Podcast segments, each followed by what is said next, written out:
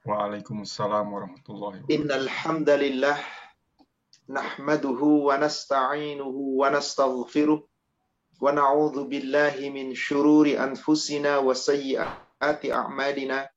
May yahdihillahu fala mudhillalah wa may yudlil fala hadiyalah ashhadu an la ilaha illallah wahdahu la syarika lah wa anna muhammadan abduhu wa rasuluhu la nabiyya ba'da Allahumma salli wa sallim wa barik ala Muhammadin wa ala alihi wa ashabihi ajma'in wa man tabi'ahum bi amma ba'd.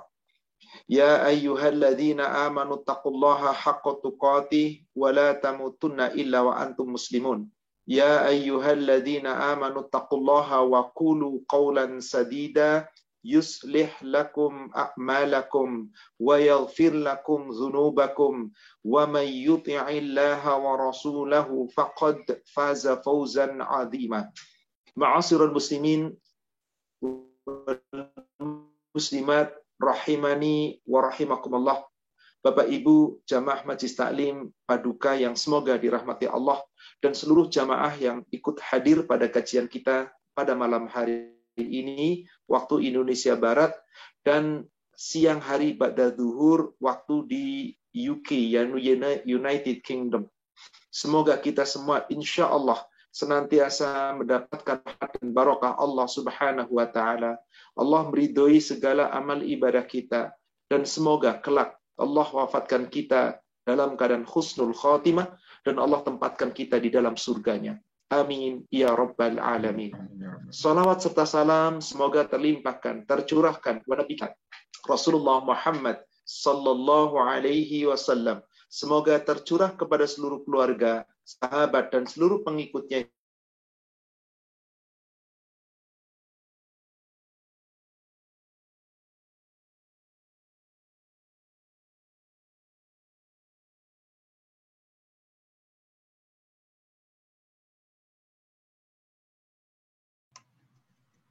Mohon maaf Ustaz, tadi terputus sebentar Ustaz. Terputus sebentar, baik. Ma'asyiral muslimin wal muslimat rahimani wa rahimakumullah. Pada kesempatan malam hari ini dan insya Allah ini adalah kajian berseri, kita akan mengangkat tema yang dirindukan surga, yang dinantikan neraka. Insya Allah kajian ini akan kita kaji dalam beberapa pertemuan. Di pertemuan pertama ini, dari subtema kita akan membahas tentang yang dirindukan surga. Adapun yang dinantikan oleh neraka, insya Allah kita akan membahas pada pertemuan-pertemuan berikutnya. Karena insya Allah yang dirindukan surga kita akan bagi menjadi dua sesi. Sesi pertama sekarang ini kita akan membahas siapakah orang-orang yang dirindukan surga itu. Baru nanti di sesi berikutnya kita akan melihat bagaimana ayat-ayat Al-Quran menggambarkan tentang nikmatnya surga, indahnya surga baik itu di dalam Al-Quran maupun di dalam Al-Hadis, Rasulullah SAW menyampaikan. Allah Tabaraka wa Ta'ala pun menyampaikan. Oh yang dirindukan surga. Tentu kita semua ingin dirindukan surga.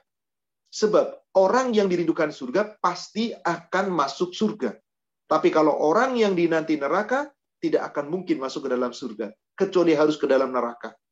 Adapun bagi orang-orang yang telah mengakui Allah sebagai Rabbnya, tidak kekal di dalam neraka. Akan dikeluarkan dari neraka melalui syafaat. Tapi ada yang lama, ada yang lama sekali, ada yang begitu lama. Sehingga paling terakhir dikeluarkan dari neraka. Baru ke dalam masuk surga. Kemudian masuk ke dalam surga. Lalu, siapakah kita itu? Apakah ingin masuk surga secara langsung? Bahkan tanpa hisap? Atau melalui hisap? Hisap yang panjang? Hisap yang singkat? Semuanya itu tergantung bagaimana amal kita di dunia ini. Apakah kita termasuk yang dirindukan surga? Saya akan buka sebagai mukadimah sebuah hadis yang diriatkan oleh Imam Muslim dari sahabat Anas bin Malik. Pada suatu ketika Rasulullah Shallallahu Alaihi Wasallam salat melaksanakan salat asar berjamaah dengan para sahabat. Setelah beliau salat, kemudian beliau menghadap kepada jamaah.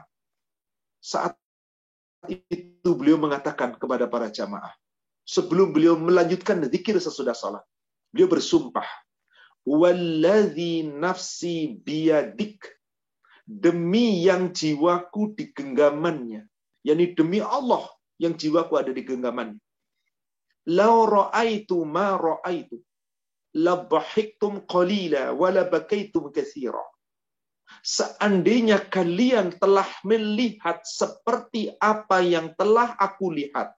Labahiktum qalila. Niscaya kalian akan akan sedikit tertawa. Wabakitum kathira. Dan kalian pasti akan banyak menangis. Kulna ya Rasulullah, ma ra'aitu. Maka kami bertanya, wahai Rasulullah, apa yang telah Anda lihat? Yang kami belum pernah lihat, tetapi Anda telah lihat. Walladhi nafsi biadik. Demi yang jiwaku di genggamannya. Inni ra'aitu nar wal jannah. Aku benar-benar telah melihat neraka dan surga. Demi Allah, saudaraku seiman yang semoga dirahmati Allah.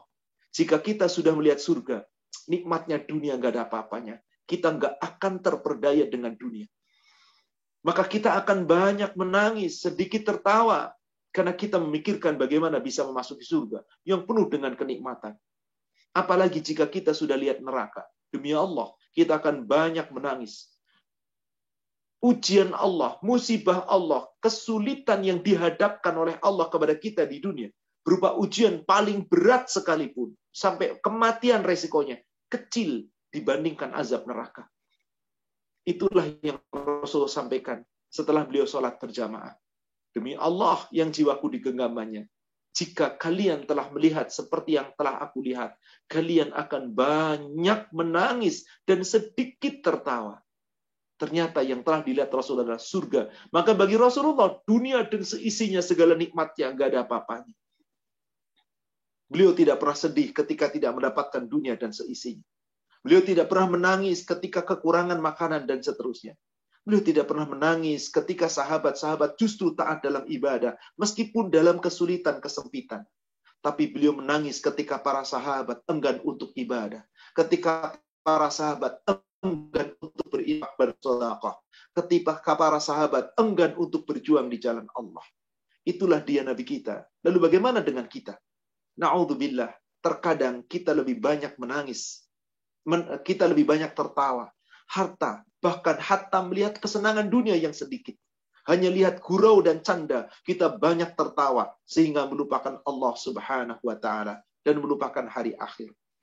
Saudaraku seiman, yang dirindukan surga. Apakah kita termasuk yang di dalamnya? Ketahuilah, ketika umat Nabi Muhammad sallallahu alaihi wasallam memasuki surga, cara memasuki surga mereka itu berbeda-beda. Ada yang memasuki surga tanpa hisap, langsung masuk surga. Ada yang harus dihisap dulu dari mulai yang ringan sampai yang paling berat, yang pada akhirnya tetap masuk ke dalam surga. Ada pula yang dihisap dengan berat, dan sangat lama. Kemudian harus melalui neraka dulu, baru masuk ke dalam surga. Lalu siapakah kita? Yang dirindu surga dengan langsung ke surga tanpa hisap? Atau melalui hisap yang ringan? Atau hisap yang berat? Atau na'udzubillah. Mungkin kita masuk ke neraka lebih dulu baru ke surga? Wallahu a'lam. Kita akan uraikan nanti ayat-ayatnya. Siapa sesungguhnya kita. Tapi kita akan uraikan dulu. Silakan Bapak Ibu bisa buka surat Al-Waqi'ah surat 56 dari ayat ke-7 sampai dengan ayat 14. Allah Subhanahu wa taala berfirman di dalam surat tersebut, A'udzu billahi minasyaitonir rajim. Wa kuntum azwajan thalatha. Dan kamu semua, yakni kalian umat Nabi Muhammad, umat akhir zaman, terbagi menjadi tiga. Kita terbagi menjadi tiga golongan fa ashabul maimanati ma ashabul maiman. Yang pertama adalah golongan kanan. Alangkah mulia golongan kanan itu. Siapakah golongan kanan itu? Golongan orang-orang yang menerima catatan dengan tangan kanan, kemudian dihisap dengan hisap yang ringan, kemudian akan masuk surga setelah hisap. Alangkah mulia golongan kanan. Kemudian yang kedua di ayat yang ke-9, wa ashabul masy'amati ma ashabul masy'amah. Golongan kiri, alangkah sengsaranya golongan kiri itu. Siapakah golongan kiri? Yang menerima catatan dengan tangan kiri, kemudian dihisap dengan hisap yang berat, kemudian akan masuk neraka lebih dulu sebelum masuk ke dalam surga. Ada yang sebentar, sesaat, lama, lama sekali. Ada yang selamanya. Sampai Allah kehendaki terakhir dikeluarkan dari neraka. Baru masuk ke dalam surga. Kemudian ternyata ada golongan yang lebih mulia lagi. Siapa golongan yang lebih mulia itu? wasabiqun as-sabiqun ulaikal muqarrabun fi jannatin na'im yakni golongan orang-orang yang paling dahulu beriman, golongan orang-orang yang lebih dulu beriman. Mereka lah orang-orang yang lebih dulu masuk surga. Mereka masuk surga tanpa hisab. Ulaikal muqarrabun, mereka orang yang didekatkan kepada Allah. Di mana fi jannatin na'im, di dalam surga yang penuh dengan kenikmatan. Inilah golongan yang masuk surga tanpa hisab. Siapakah gerangan mereka itu? Allah katakan di ayat 13 dan 14. Sullatum minal awalin wa qalilum minal akhirin. Sebagian besar dari umat-umat terdahulu, yakni para nabi, para sahabat nabi, dan tabi'in dan tabi'ut tabi'in, karena Rasul mengatakan, khairukum qarni dalam hadis riwayat Imam Bukhari dari Abu Hurairah. Yang terbaik di antara kalian adalah qarni, kurunku, yakni para sahabat. Summa yalunakum, kemudian setelah kamu, yakni tabi'i. Summa yalunahum, kemudian setelah mereka, setelah tabi'i, tabi'ut tabi'i. Summa yalunahum, kemudian setelah tabi'ut tabi'i. Inilah generasi terbaik. Setelah itu generasi-generasi berikutnya. Allah alam, kita sudah generasi keberapa? Jadi yang masuk surga tanpa hisap menurut ayat Al-Quran, sebagian besar umat-umat terdahulu dan sebagian kecil umat yang sekarang ini yang akan datang. Umat akhir zaman. Tapi saudaraku sekalian, ini gambaran Allah tentang masuk surga. Yang terpenting kita berjuang agar kita dirindu surga. Itu yang paling utama. Sebab kita tidak mungkin bisa masuk surga kalau tidak dirindu surga. Lalu bagaimana caranya agar kita dirindu surga? Dan siapakah mereka orang yang dirindu surga? Orang-orang yang banyak masuk surga. Di dalam sebuah hadis yang diriwayatkan oleh Imam At-Tirmidzi dan Ibnu Majah dari sahabat Abu Hurairah. Rasulullah Shallallahu alaihi wasallam bersabda, aktsaru ma yudkhilul jannata taqwallah wa husnul khuluq. Yang paling banyak menyebabkan seseorang masuk ke dalam surga, berarti mereka adalah orang yang dirindu surga. Maka mereka adalah orang-orang yang bertakwa kepada Allah dan orang yang memiliki akhlak yang baik. Habluminallahnya bagus, habluminanasnya bagus itulah orang yang akan diridhu surga. Secara umum, Rasulullah menyampaikan ini. Takwa Allah wa husnul khuluq. Takwa kepada Allah dan akhlak yang baik. Banyak orang takwa kepada Allah, ibadahnya bagus, sholatnya bagus, yang sunnah, yang wajib, kajiannya dijalankan, dia belajar ilmu agama, dia baca Quran, dia saum, yang sunnahnya, dia sodakoh. Tapi di saat lain, dia zolim kepada manusia buruk ahlaknya kepada manusia, bagaimana akan dirindu surga? Bagaimana akan dirindu surga? Maka untuk menjadi orang yang dirindu surga, kuncinya adalah takwa. Maka di dalam ayat-ayat Al-Quran, Allah sebutkan bahwa yang namanya surga itu untuk orang yang bertakwa. Dan kita wajib bersegera untuk meraih itu. Siapa orang yang takwa itu? Yang imannya benar-benar iman kepada Allah dan Rasulnya. Untuk itu kita wajib berlomba-lomba. Maka di surat 57, surat Al-Hadid, ayat yang ke-21, Allah Subhanahu wa taala berfirman, "Sabiqu ila maghfiratim mir rabbikum wa jannatin arduha ka'ardis sama'i wal ard." Berlomba-lombalah kamu untuk meraih ampunannya Allah Berlomba-lombalah kamu untuk meraih surganya Allah. Kita disuruh Allah berlomba-lomba bukan untuk mencari dunia, bukan untuk mencari kekayaan, kedudukan, pangkat jabatan, harta kekayaan, sibuk dengan dunia. Allah tidak perintah itu. Allah perintahkan sabiqu ila maghfirah. Berlomba-lombalah kamu untuk meraih ampunan Allah. Wajannah dengan itu Anda akan meraih surga. Arduha ka'atis sama iwal ard. Yang luas surganya Allah itu luasnya bagaikan luas langit dan bumi. U'iddat lilladzina amanu billahi wa rusulihi. Yang surganya Allah, yang luasnya bagaikan langit dan bumi. Allah sediakan untuk orang-orang yang bertakwa. Siapa mereka? Yang benar-benar beriman kepada Allah dan Rasulnya. Zalika fadlullah yu'tihi man yasha. Wallahu dzul fadlil azim.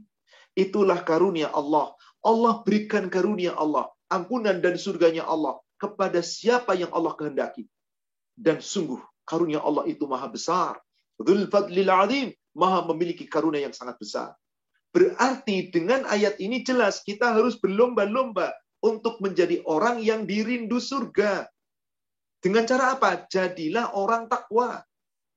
Di surat yang lain, Ali Imran, surat 3, 133, Ali Imran, surat 3, ayat 133, Allah subhanahu wa ta'ala berfirman, Wasari'u kalau berlomba-lomba seakan-akan banyak pesaing.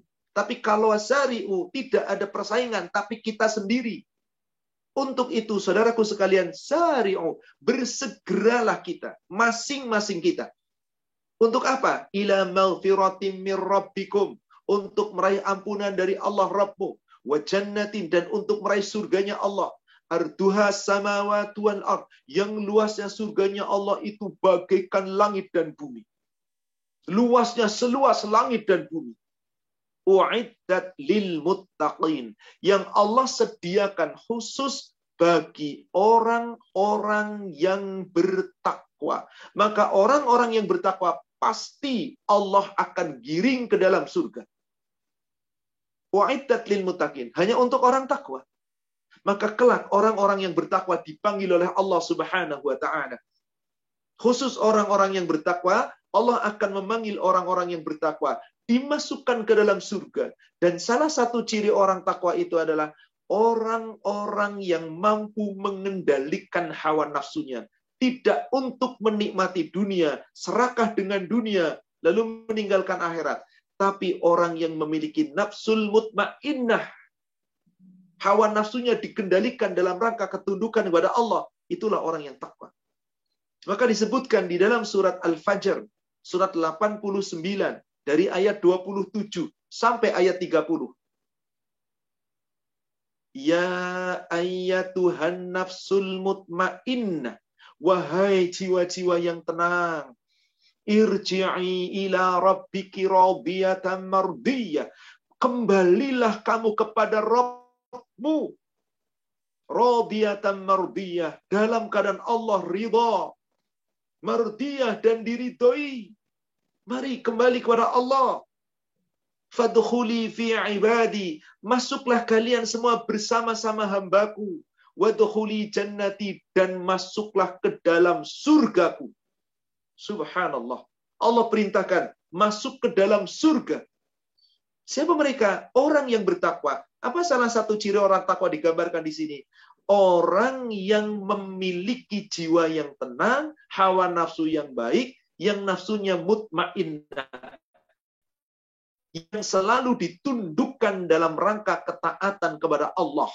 Bukan untuk kenikmatan dunia semata-mata. Maka kelak di saat mereka dikumpulkan di padang masyar, mereka akan dipanggil oleh Allah berombong-rombongan masuk ke dalam surga. Allah gambarkan di dalam surat Az-Zumar. Silakan kita buka kembali. Surat 39, ayat yang ke-73. Surat Az-Zumar, surat 39, ayat ke-73.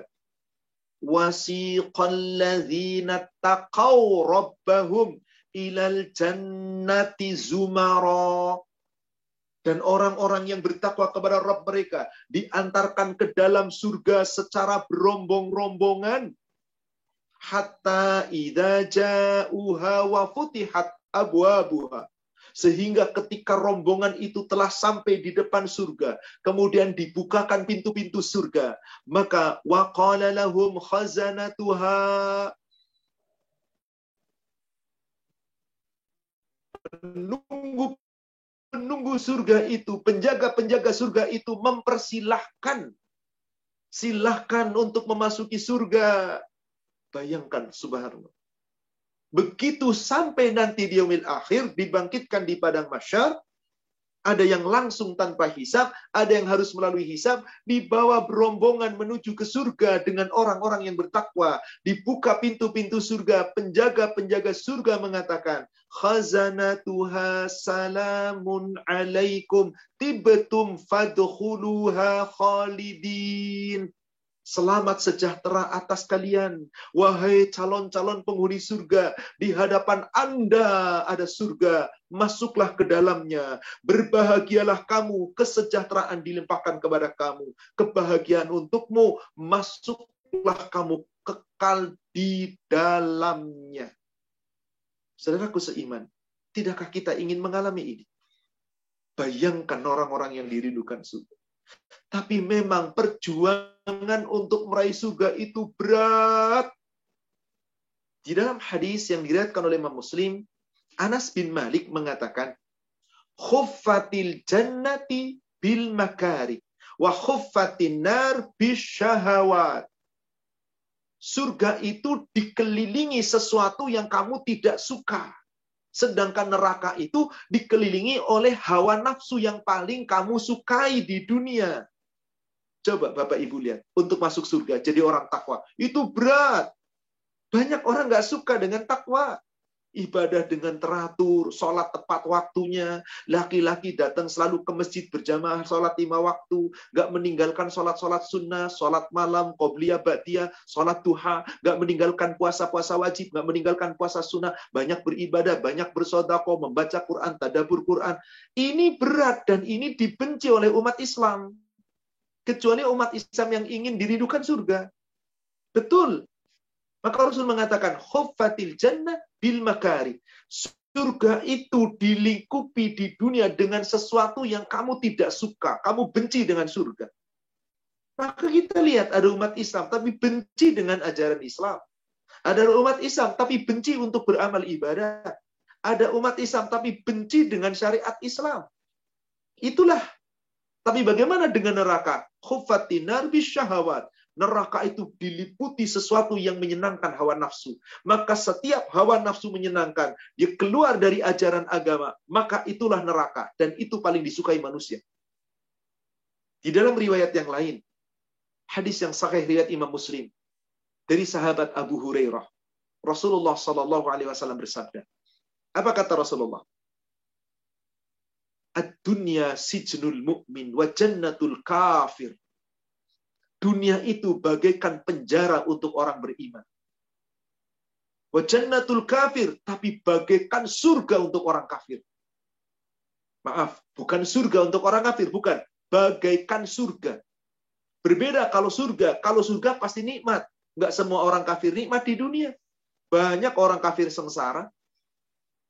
Bagaikan eh, penjara di dunia. Enggak semua orang Islam itu di penjara. Sengsara tidak. Lalu apa namanya bagaikan surga, bagaikan neraka? Dunia bagaikan penjara bagi orang beriman. Coba kita pertanyakan penjara. Penjara itu serba pakai aturan. Nggak bebas. Nggak boleh semaunya. Ada orang kaya, konglomerat, rumahnya megah, kekayaannya mewah, kendaraannya luar biasa. Dia di penjara, nggak sembarangan bisa menggunakan hartanya. Nggak sembarangan dia pulang ke rumah, nginep di rumahnya. Nggak sembarangan dia pakai mobil mewahnya. Nggak sembarangan dia punya dengan apa sendirinya. Meskipun miliknya, tapi nggak bisa digunakan. Kenapa? Ada aturan. Diatur di penjara. Tempat tidurnya diatur. Kapan waktu boleh masuk, boleh keluar diatur. Kapan waktu makan diatur. Nggak bebas. Itulah umat Islam di dunia. Serba diatur oleh Allah. Satu-satunya agama yang mengatur seluruh sendi kehidupan sejak bangun tidur sampai tidur lagi Islam. Mau tidur diatur, harus baca doa. Bahkan Rasulullah cara berbaringnya menghadap ke mana? Mau masuk ke kamar mandi diatur. Bagaimana di kamar mandi diatur. Mau makan diatur. Mau minum diatur. Mau pakai pakaian diatur. Mau buang kotoran diatur. Mau berhubungan suami istri diatur. Mau ibadah diatur. Serba aturan. Itulah penjara. Bagi orang yang nurut dengan aturan, itulah orang takwa. Maka meskipun seperti terpenjara, nikmat. Kita bisa lihat orang-orang di penjara tetap nikmat. Kenapa? Dia merasa nikmat di penjara. Karena memang sudah pasrah. Tapi orang-orang yang terpenjara, subhanallah, nggak ada nikmatnya. Konglomerat kayak apa pun, nggak ada nikmatnya. Maka orang Islam yang terpenjara dengan aturan, nggak ada nikmatnya. Tapi kalau orang Islam yang merasa dirinya memang di penjara, harus sesuai aturan Allah, dinikmat dalam hidupnya. Meskipun diatur oleh Allah. Bayangkan dengan orang kafir. Dikatakan oleh Rasul, ad-dunya sijnul mukmin. Dunia itu sebagaikan surga bagi orang. Jannatul uh, apa namanya? Jannatul kafir, yakni dunia itu bagaikan surga bagi orang kafir. Bagaikan bukan berarti selalu nikmat. Tapi artinya apa? Bebas tanpa aturan. Bukankah di surga itu bebas? Gak ada lagi aturan, semuanya dibebaskan oleh Allah, semuanya diberikan, gak ada larangan, gak ada halal, gak ada haram, gak ada perintah ibadah, semuanya nikmat, nikmat, nikmat. Itulah surga. Maka orang beriman yang terpenjara di dunia, yang mau dipenjarakan di dunia dengan aturan-aturan Allah, insya Allah surga nanti dapatnya. Tapi orang aku iman nggak mau diatur, nggak mau dipenjarakan, seakan-akan dia nggak mau dan ingin bebas berbuat sesukanya, sama dengan orang-orang kafir. Dunia bagaikan surga untuknya tanpa ada aturan. Silahkan Anda berbuat. Ada pasti bukan dirindu surga, Na'udzubillah, di nanti neraka. Saudaraku seiman yang semoga dirahmati Allah. Dari ayat-ayat yang kita sampaikan dan sebagian dari hadis yang disampaikan, jelas bahwa untuk masuk surga itu berat, saudaraku sekalian. Beratnya luar biasa. Tapi ketahuilah, setiap kita, manusia, siapa pun dia, mau orang Islam, mau orang kafir, sesungguhnya di saat hendak mati, dia sudah tahu di mana tempatnya. Kenapa? Karena orang-orang kafir di saat dicabut nyawanya diperlihatkan neraka. Orang-orang yang beriman di saat dicabut nyawanya diperlihatkan surga dan dikatakan dia akan masuk surga. Maka nanti saat mereka dikuburkan, di kubur itu diperlihatkan siapa yang menjadi calon penghuni surga, surga ditampakkan. Siapa yang menjadi calon penghuni neraka, neraka ditampakkan. Dan Allah telah gambarkan ini di dalam Al-Quran. Salah satunya surat 6 ayat 50. Surat 6, surat Al-An'am ayat 50. Di situ disebutkan tentang orang kafir. Walau tara idh yatawaffal ladzina kafarul malaika yadribu wujuhum wa adbarahum. Sungguh alangkah dahsyatnya, alangkah ngerinya. Sekiranya kamu melihat ketika orang-orang kafir dicabut nyawanya oleh para malaikat sambil dipukul-pukul wajahnya, dipukul-pukul punggungnya. Wa zuhuruhum punggungnya pukul, lambungnya dipukul. Lalu malaikat mengatakan kepada si orang yang dicabut nyawanya itu, Fadhuku adabal harik, rasakan olehmu akan mendapat siksa neraka yang membakar. Mau mati sudah mendapatkan tak? Tapi bagaimana orang yang bertakwa? Tidak, orang bertakwa itu akan diperlihatkan surga, diberitakan dia masuk ke dalam surga. Di surat 16, surat An-Nahl ayat ke-32, itu diceritakan dari ayat 30 dan 31 tentang orang yang takwa, yang di dunia diberi Allah Allah apa pun, baik baik atau buruk, nikmat atau tidak. Dia selalu mengatakan khairah, itu kebaikan. Maka nanti akan meraih surga. Dan surga itu kadzalika najzil muttaqin di ayat yang ke 31 di ujung ayatnya. Surga itu yang penuh kenikmatan, balasan untuk orang takwa. Bagaimana keadaan wafatnya orang takwa? Disebut di ayat 32, alladzina tatawaffahumul malaikatu thayyibin yaitu orang-orang yang akan dicabut nyawanya oleh para malaikat dalam keadaan toyib, dalam keadaan baik. Apa yang diucapkan malaikat saat mau mencabut nyawanya orang takwa? Yaqulun, malaikat berkata kepada orang yang bertakwa tadi, Salamun alaikum udkhulul jannata bima kuntum ta'malun. Selamat sejahtera atasmu, wahai orang bertakwa. Hari ini kamu dicabut nyawanya. Kamu masuk ke dalam surga karena amal perbuatanmu. Mau mati sudah digambarkan surga, saudaraku sekalian. Takwa. Maka siapa yang dirindukan surga? Takwa. Dan setiap kita nanti di surga, di, di, di, di alam barzah, di kubur, Allah akan perlihatkan. Jika kita penghuni surga, pagi petang surga diperlihatkan sampai dibangkitkan nanti di padang masyar. Orang-orang yang akan menghuni neraka, pagi petang diperlihatkan sampai nanti dibangkitkan di padang masyar. Rasulullah sampaikan dalam sebuah hadis yang diriwayatkan oleh Imam Muslim dari Abdullah bin Umar. Qala Rasulullah sallallahu alaihi wasallam, "Inna ahadakum idza mata 'urida 'alaihi maq'aduhu bil ghadati wal 'ashi." Sesungguhnya seorang di antara kamu apabila telah mati lalu dikubur diperlihatkan kepadanya di waktu pagi dan petang tempat diamnya nanti di yaumil akhir. Kana min ahli jannah famin ahli jannah. Wa in kana min ahli nar famin ahli nar. Maka apabila dia adalah calon penghuni surga, diperlihatkan tempatnya di surga pagi dan petang. Inilah surga kenikmatan. Kamu di sini, kamu di sini. Diperlihatkan pagi petang sampai dibangkitkan di umil akhir.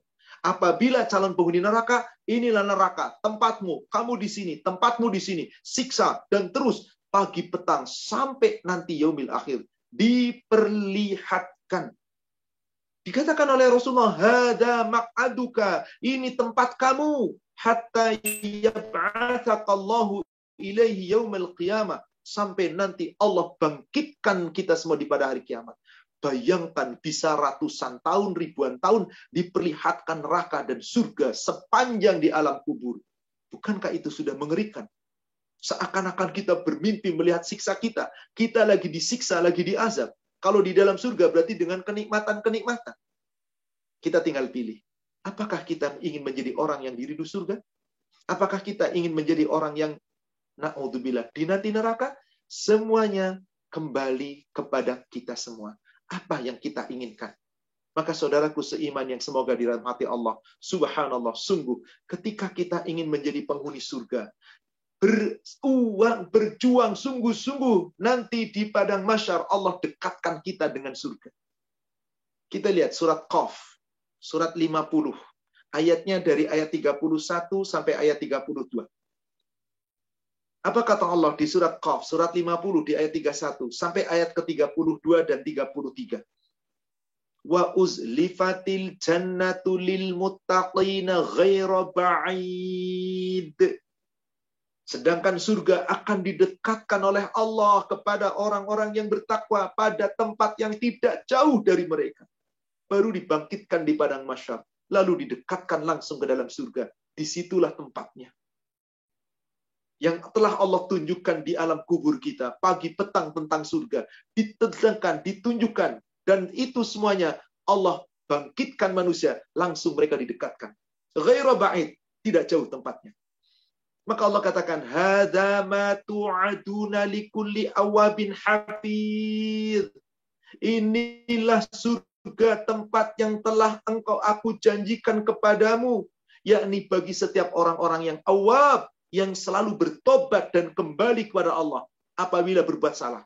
Karena itulah ciri orang takwa. Kalau dia berbuat salah, kembali kepada Allah. Berbuat salah, kembali kepada Allah. Bertobat kepada Allah. Dan setelah itu, hafid. Memelihara, menjaga semua aturan-aturan Allah. Bukan cuma menjaga aurat, Bukan cuma menjaga ibadah. Semua aturan-aturan Allah, hukum Allah, syariat Allah, ketetapan Allah, perintah Allah, larangan Allah dijaga. Berat, super berat. Tapi jaminannya surga, saudaraku sekalian. Surga jaminannya. Maka siapakah yang akan didekatkan itu? Yakni orang-orang yang betul-betul memelihara semuanya itu. Allah katakan di ayat yang ke-33-nya, Man rahman orang-orang yang benar-benar takut kepada Allah yang Maha Pengasih. Bil ghaib meskipun gaib. Surganya Allah gaib tapi yakin ada. Nerakanya Allah gaib tapi yakin ada. Allah itu gaib, yakin ada. Hari berbangkit gaib, yakin ada. Orang-orang yang takut kepada Allah dan betul-betul dia beriman pada yang gaib. Wajah biqalbin munib. Maka nanti menemui Allah. Hatinya munib. Hatinya tenang. Hatinya tentram. Hatinya senantiasa bersih. Bertobat kepada Allah. Bersih dari kesalahan dan dosa-dosa. Maka dikatakan di ayat 34-nya, Udkhuluha bisalam. Masuklah kalian ke dalam surga dengan penuh keselamatan dan sejahtera. Dzalika yaumul khulud.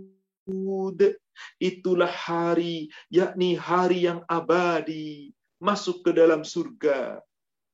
Saudaraku seiman, apakah kita tidak ingin meraih itu? Apakah kita tidak ingin meraih surga? Bahkan Allah katakan bahwasanya bukan cuma satu surga yang dijanjikan. Di ayat 35 dari surat Qaf disebutkan, lahum ma yasha'un. Bagi mereka ketika sudah berada di dalam surga, diberikan oleh Allah segala apa yang mereka inginkan. Fiha, di dalam surga. Waladaina mazid. Dan di sisi kami ada tambahan. Jadi surga yang Allah janjikan kepada orang takwa bukan hanya satu surga, saudaraku sekalian. Ada tambahan surga. Berarti berapa surga yang Allah tawarkan kepada orang takwa? Bisa dua, bisa empat, bisa lebih? Adakah dalil yang menunjukkan itu? Coba kita buka surat Ar-Rahman. Surat 55. Ayat yang ke-46. Apa Allah katakan? Waliman khofa maqama rabbihi jannatan. Dan bagi orang-orang yang khafa maqama rabbih, betul-betul takut takut akan maqam, kedudukan Allah, Robnya, kebesaran Robnya, keagungan Robnya, dan takut akan nanti menghadap Allah dalam pertanggungjawabnya di yaumil akhir. Sehingga di dunia dia seperti orang yang dipenjara, disesuai dengan aturan, dia tidak membangkang aturan. Maka itulah orang-orang yang akan diberikan oleh Allah dua surga. Jannatan, dua surga. Fabi ayyi ala'i rabbikuma tukadziban. Maka nikmat Allah yang mana yang hendak kamu dustakan? Di surat Ar-Rahman ayat 46, Allah tawarkan orang yang takut kepada Allah, orang yang bertakwa berarti yang benar-benar takwa, diberikan dua surga. Apakah hanya dua? Allah tambahkan lagi di ayat 62. Masih di surat yang sama, Ar-Rahman di ayat 62. Wa min dunihima jannatan. Dan selain dari dua surga itu, ada dua surga lagi. Subhanallah. Allah tawarkan kita mau berapa surga. Saya yakin Bapak Ibu sekalian, kita berada di suatu tempat elit, tempat yang mahal, tempat yang bonafit. Ada di situ kawasan luas, di mana luasnya berpuluh-puluh hektar, perumahan mewah dan megah yang harganya mahal. Kita punya kapling satu saja 500 meter. Gimana rasanya? Allahu Akbar. Anda di Mekah punya tanah 500 meter, waduh udah. Dah segala-galanya beres. Karena mahalnya luar biasa. Per meter sudah miliaran bisa. Di negara kita sudah puluhan juta per meter. 500 meter berapa? Kayaknya kalau Anda punya empat kapling di tempat mewah, udah paling bahagia sepertinya. Anda ditawarkan oleh Allah empat kapling di surga. Empat surga. Bukan cuma satu. Ada dua, ditambah lagi dua. Dan satu surga itu luasnya bagaikan langit dan bumi. Maka kapling terendah bagi orang-orang yang ada di dalam surga, kata Rasulullah, sepuluh kali lipat dari luasnya dunia. Itu kapling paling kecil untuk penghuni surga yang paling rendah. yakni orang yang paling terakhir dikeluarkan dari neraka dan paling terakhir dimasukkan ke dalam surga. Baginya nikmat kaplingnya di surga seluas lang dunia dan seisinya. Ditambah sepuluh kali lipat lagi. Untuk itu, tidakkah kita berlomba-lomba, saudaraku sekalian? Tidakkah kita ingin bersungguh-sungguh meraih itu? Maka sungguh, untuk meraih surga tidak mudah. Untuk meraih surga sekali lagi, tidak mudah. Kenapa? Karena bukan kita berleha-leha, sebagaimana banyak orang mengatakan. Mumpung masih muda, kita happy, kita happy. Muda kita happy, tua kita pun tetap bahagia. mati masuk surga. Dari mana Anda bisa happy-happy masuk surga? Pernahkah Rasul happy-happy di dunia? Bahkan na'udzubillah ada seorang wanita berani mengatakan, gak apa-apa saya masuk surga yang penting happy. Banyak teman-teman nanti di neraka. Maaf, gak apa-apa saya masuk neraka yang penting happy. Saya bisa jago-jago di neraka. Inna lillahi wa inna ilaihi raji'un. Dia nggak pernah terbayang kayak apa neraka. Nanti pada saatnya nanti, siapa yang dinanti neraka, kita akan bahas neraka khusus. Hari ini kita bahas khusus tentang surga. Nah, saudaraku seiman yang semoga dirahmati Allah surga yang penuh kenikmatan itu hanya Allah sediakan untuk orang-orang yang saleh, orang-orang yang bertakwa. Di mana kenikmatan surga itu tidak pernah terbayangkan, nggak pernah terlihat. Ketika Allah turunkan surat 32, yakni surat As-Sajdah, ayat yang ke-17, Allah berfirman, "Fala ta'lamu nafsum ma ukhfiya lahum min qurrati a'yun jazaa'an bima kanu ya'malun." maka tak seorang pun yang mengetahui kenikmatan yang Allah sembunyikan, yang menyenangkan hati. Qurrata a'yun, qurrati a'yun, jaza'an bima kanu yamalun. Sebagai balasan atas apa yang telah mereka kerjakan. Maka Rasulullah SAW menyampaikan sebuah hadis. Di dalam hadis riwayat Imam Muslim dari Abu Hurairah. Qala Rasulullah sallallahu alaihi wasallam, qala Allah azza wa jalla. Allah azza wa jalla berfirman, hadis qudsi, Allah berfirman, apa kata Allah? A'dadtu li'ibadiyas salihin. Aku telah sediakan untuk hamba-hambaku yang di dunia menjadi hamba yang saleh, hamba yang bertakwa. Apa itu? Mala ainun ra'at. Kenikmatan di dalam surga yang belum pernah terlihat oleh mata di dunia. Wala udhunun sami'at. Yang belum pernah didengar oleh telinga di dunia wala wala ala qalbi bashar dan belum pernah terlintas di hati manusia. Saya yakin senikmat-nikmatnya dunia kita bisa pernah mendengar. Bahkan kita bisa melihat dengan adanya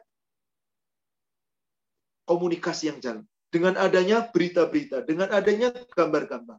Kita lihat orang yang punya pesawat jet pribadi, orang punya pesawat, punya perahu, punya kapal pesiar, yah, punya hotel berbintang, dan segala macam kekayaan. Kita melihat, kita mendengar, nikmatnya bisa terdengar, terbayang oleh pikiran, tergambar oleh hati. Tapi kata Allah, aku sediakan surga dengan segala kenikmatan untuk orang yang bertakwa tadi. Nikmatnya surga belum pernah dilihat di dunia, belum pernah terdengar di dunia, belum pernah terbayang di dalam benak manusia, dan belum pernah terlintas di dalam hati manusia. Nikmat yang tiada taranya. Mistaqo dzalika fi kitabillah azza wa. Sebagaimana yang telah Allah sampaikan dari dalam kitabullah surat 32 ayat 17. Bahwasanya fala ta'lamu nafsu ma ukhfiya lahu min qurrati a'yun jazaa'an bima kanu ya'malu. Saudaraku seiman yang semoga dirahmati Allah. Dari sini jelas bahwasanya masuk surga itu tidak mudah. Tetapi ada sebuah hadis yang Rasulullah mengelompokkan ada empat golongan orang yang dirindu surga. Afwan, bukan berarti hanya empat ini tidak. Tapi empat ini sesungguhnya kalau kita kaji mencakup dan ini sifat orang takwa. Semuanya terdapat di sini. Sebuah hadis yang diriwayatkan oleh Imam Abu Daud dan Imam At-Tirmidzi dan hadis ini hadis hasan dari sahabat Abdullah bin Abbas. Qala Rasulullah sallallahu alaihi wasallam. Telah bersabda Rasulullah sallallahu alaihi wasallam. Al jannatu mushtaqatun ila arba'ati nafar. Surga itu sangat merindukan atas empat golongan. Siapa golongan pertama yang dirindukan surga? Talil Quran. Golongan yang pertama yang dirindukan surga. Orang yang senantiasa mempelajari Al-Quran. Talil Quran. Mentadaburi Al-Quran memahami Al-Quran.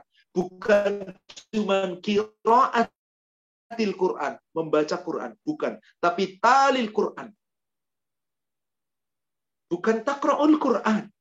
Kalau takra'ul Quran, Anda hanya membaca. Tapi kalau talil Quran, Anda membaca, Anda mentadaburi, Anda mempelajarinya, Anda memahaminya, Anda meyakininya, Anda mengamalkannya. Bukankah setiap orang takwa pasti akan mengamalkan Al-Quran?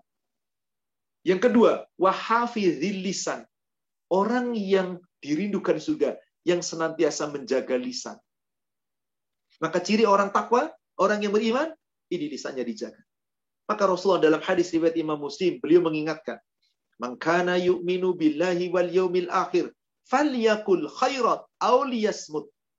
Siapa yang benar-benar iman pada Allah dan hari akhir, hendaklah berkata yang benar atau diam. Orang takwa kata-katanya pasti benar. Orang-orang takwa katanya pasti benar. Tidak mungkin orang takwa kata-katanya dusta. Gak mungkin. Allah sebutkan, karena Allah perintahkan demikian. Kalau masih dusta berarti tidak takwa. Di surat 33, surat Al-Ahzab, ayat ke-70, Allah sebutkan di dalam ayat itu. Ya ayyuhalladzina amanu taqullah wa qulu qawlan sadida. Wahai orang-orang yang beriman, bertakwalah kamu kepada Allah dan hendaklah kamu senantiasa berkata dengan perkataan yang sadid benar. Kebenaran wajib kita terapkan. Maka orang yang bertakwa yang diri di surga adalah hafidil lisan, yang senantiasa menjaga lisan. Lisannya dijaga, tidak berkata kecuali benar, jujur, sidik. Maka orang bertakwa, bergaul, jangan sembarang cari orang. Disebutkan salah satunya di surat 9, yakni surat At-Taubah ayat 119. Allah Subhanahu wa taala berfirman, "Ya ayyuhalladzina amanu taqullah Wahai orang-orang yang beriman, bertakwalah kamu kepada Allah. Wa kunu. Hendaklah kamu senantiasa bersama orang yang sadik, jujur, yang benar. Kalau kita selalu bersama orang benar, insya Allah kita benar. Itu ciri orang yang dirindu surga. Hafidil lisan. Maka orang yang benar dijamin oleh Allah, pasti surga tempatnya. Silakan dilihat surat 5 Al-Maidah 119. Allah Subhanahu wa taala berfirman, "Qala Allah, hada yaumu yanfa'u shadiqina sidquhum." Allah berfirman, nanti di saat manusia dipanggilkan, dikumpulkan di padang masyar. Ini adalah suatu hari yang bermanfaat bagi orang-orang yang benar dengan kebenaran mereka. Mereka mendapatkan manfaat. Apa manfaatnya? Lahum jannatun tajri min tahtihal anhar khalidina fiha abada mereka akan ditempatkan di dalam surga-surga, yakni surga-surga Aden yang mengalir sungai-sungai di bawahnya, kekal di dalamnya selama-lamanya. Radhiyallahu anhum wa radu'an. Allah ridho kepada mereka. Mereka ridho dengan ketetapan Allah. Zalikal fawzul adim. Itulah kemenangan yang besar. Jadi jaga lisan. Itulah kelompok yang dirindu surga. Hafizil lisan. Kemudian yang ketiga, wa mut'imul ji'an. Orang-orang yang menghuni surga adalah orang yang membantu orang-orang yang kelaparan, orang yang banyak berinfak, orang yang banyak bersedekah, orang yang memberikan sebagian hartanya kepada orang-orang miskin, anak-anak yatim, orang sengsara yang ditahan tapi ikhlas karena Allah. Ikhlas karena Allah di surat 76, saudaraku sekalian, surat Al-Insan atau surat Ad-Dahr, Allah gambarkan tentang orang takwa dari ayat 5 sampai dengan ayat yang ketujuh. Orang takwa akan diberi makan, minuman, dari gelas-gelas mutiaranya, minumannya air kafur, nikmat-nikmat yang luar biasa. Kenapa mereka bisa meraih surga? Di ayat 8 dan 9 disebutkan di situ. Nuyufuna binadrin. Mereka itu senantiasa menunaikan nazar-nazarnya wayut imunat ta'am dan memberikan makanan-makanan hobi yang dicintainya. Kepada siapa? Yatiman atau miskinan, miskinan atau yatiman atau asira.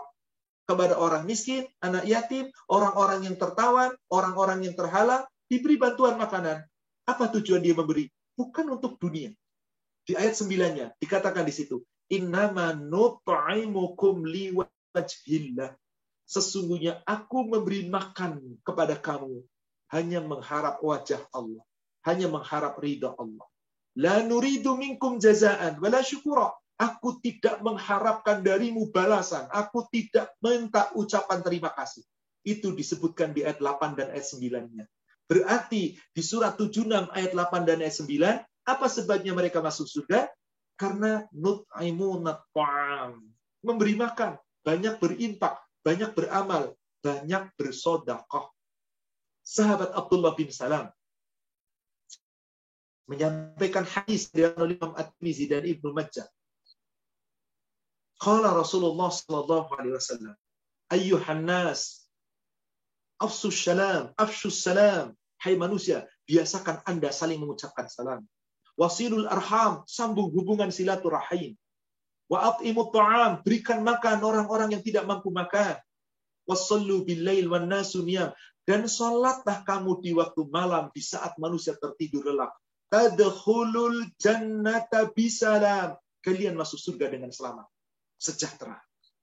Lalu yang keempat, siapa golongan yang dirindu surga? Golongan yang dirindu surga adalah orang-orang yang as-saimin fi syahri Ramadan.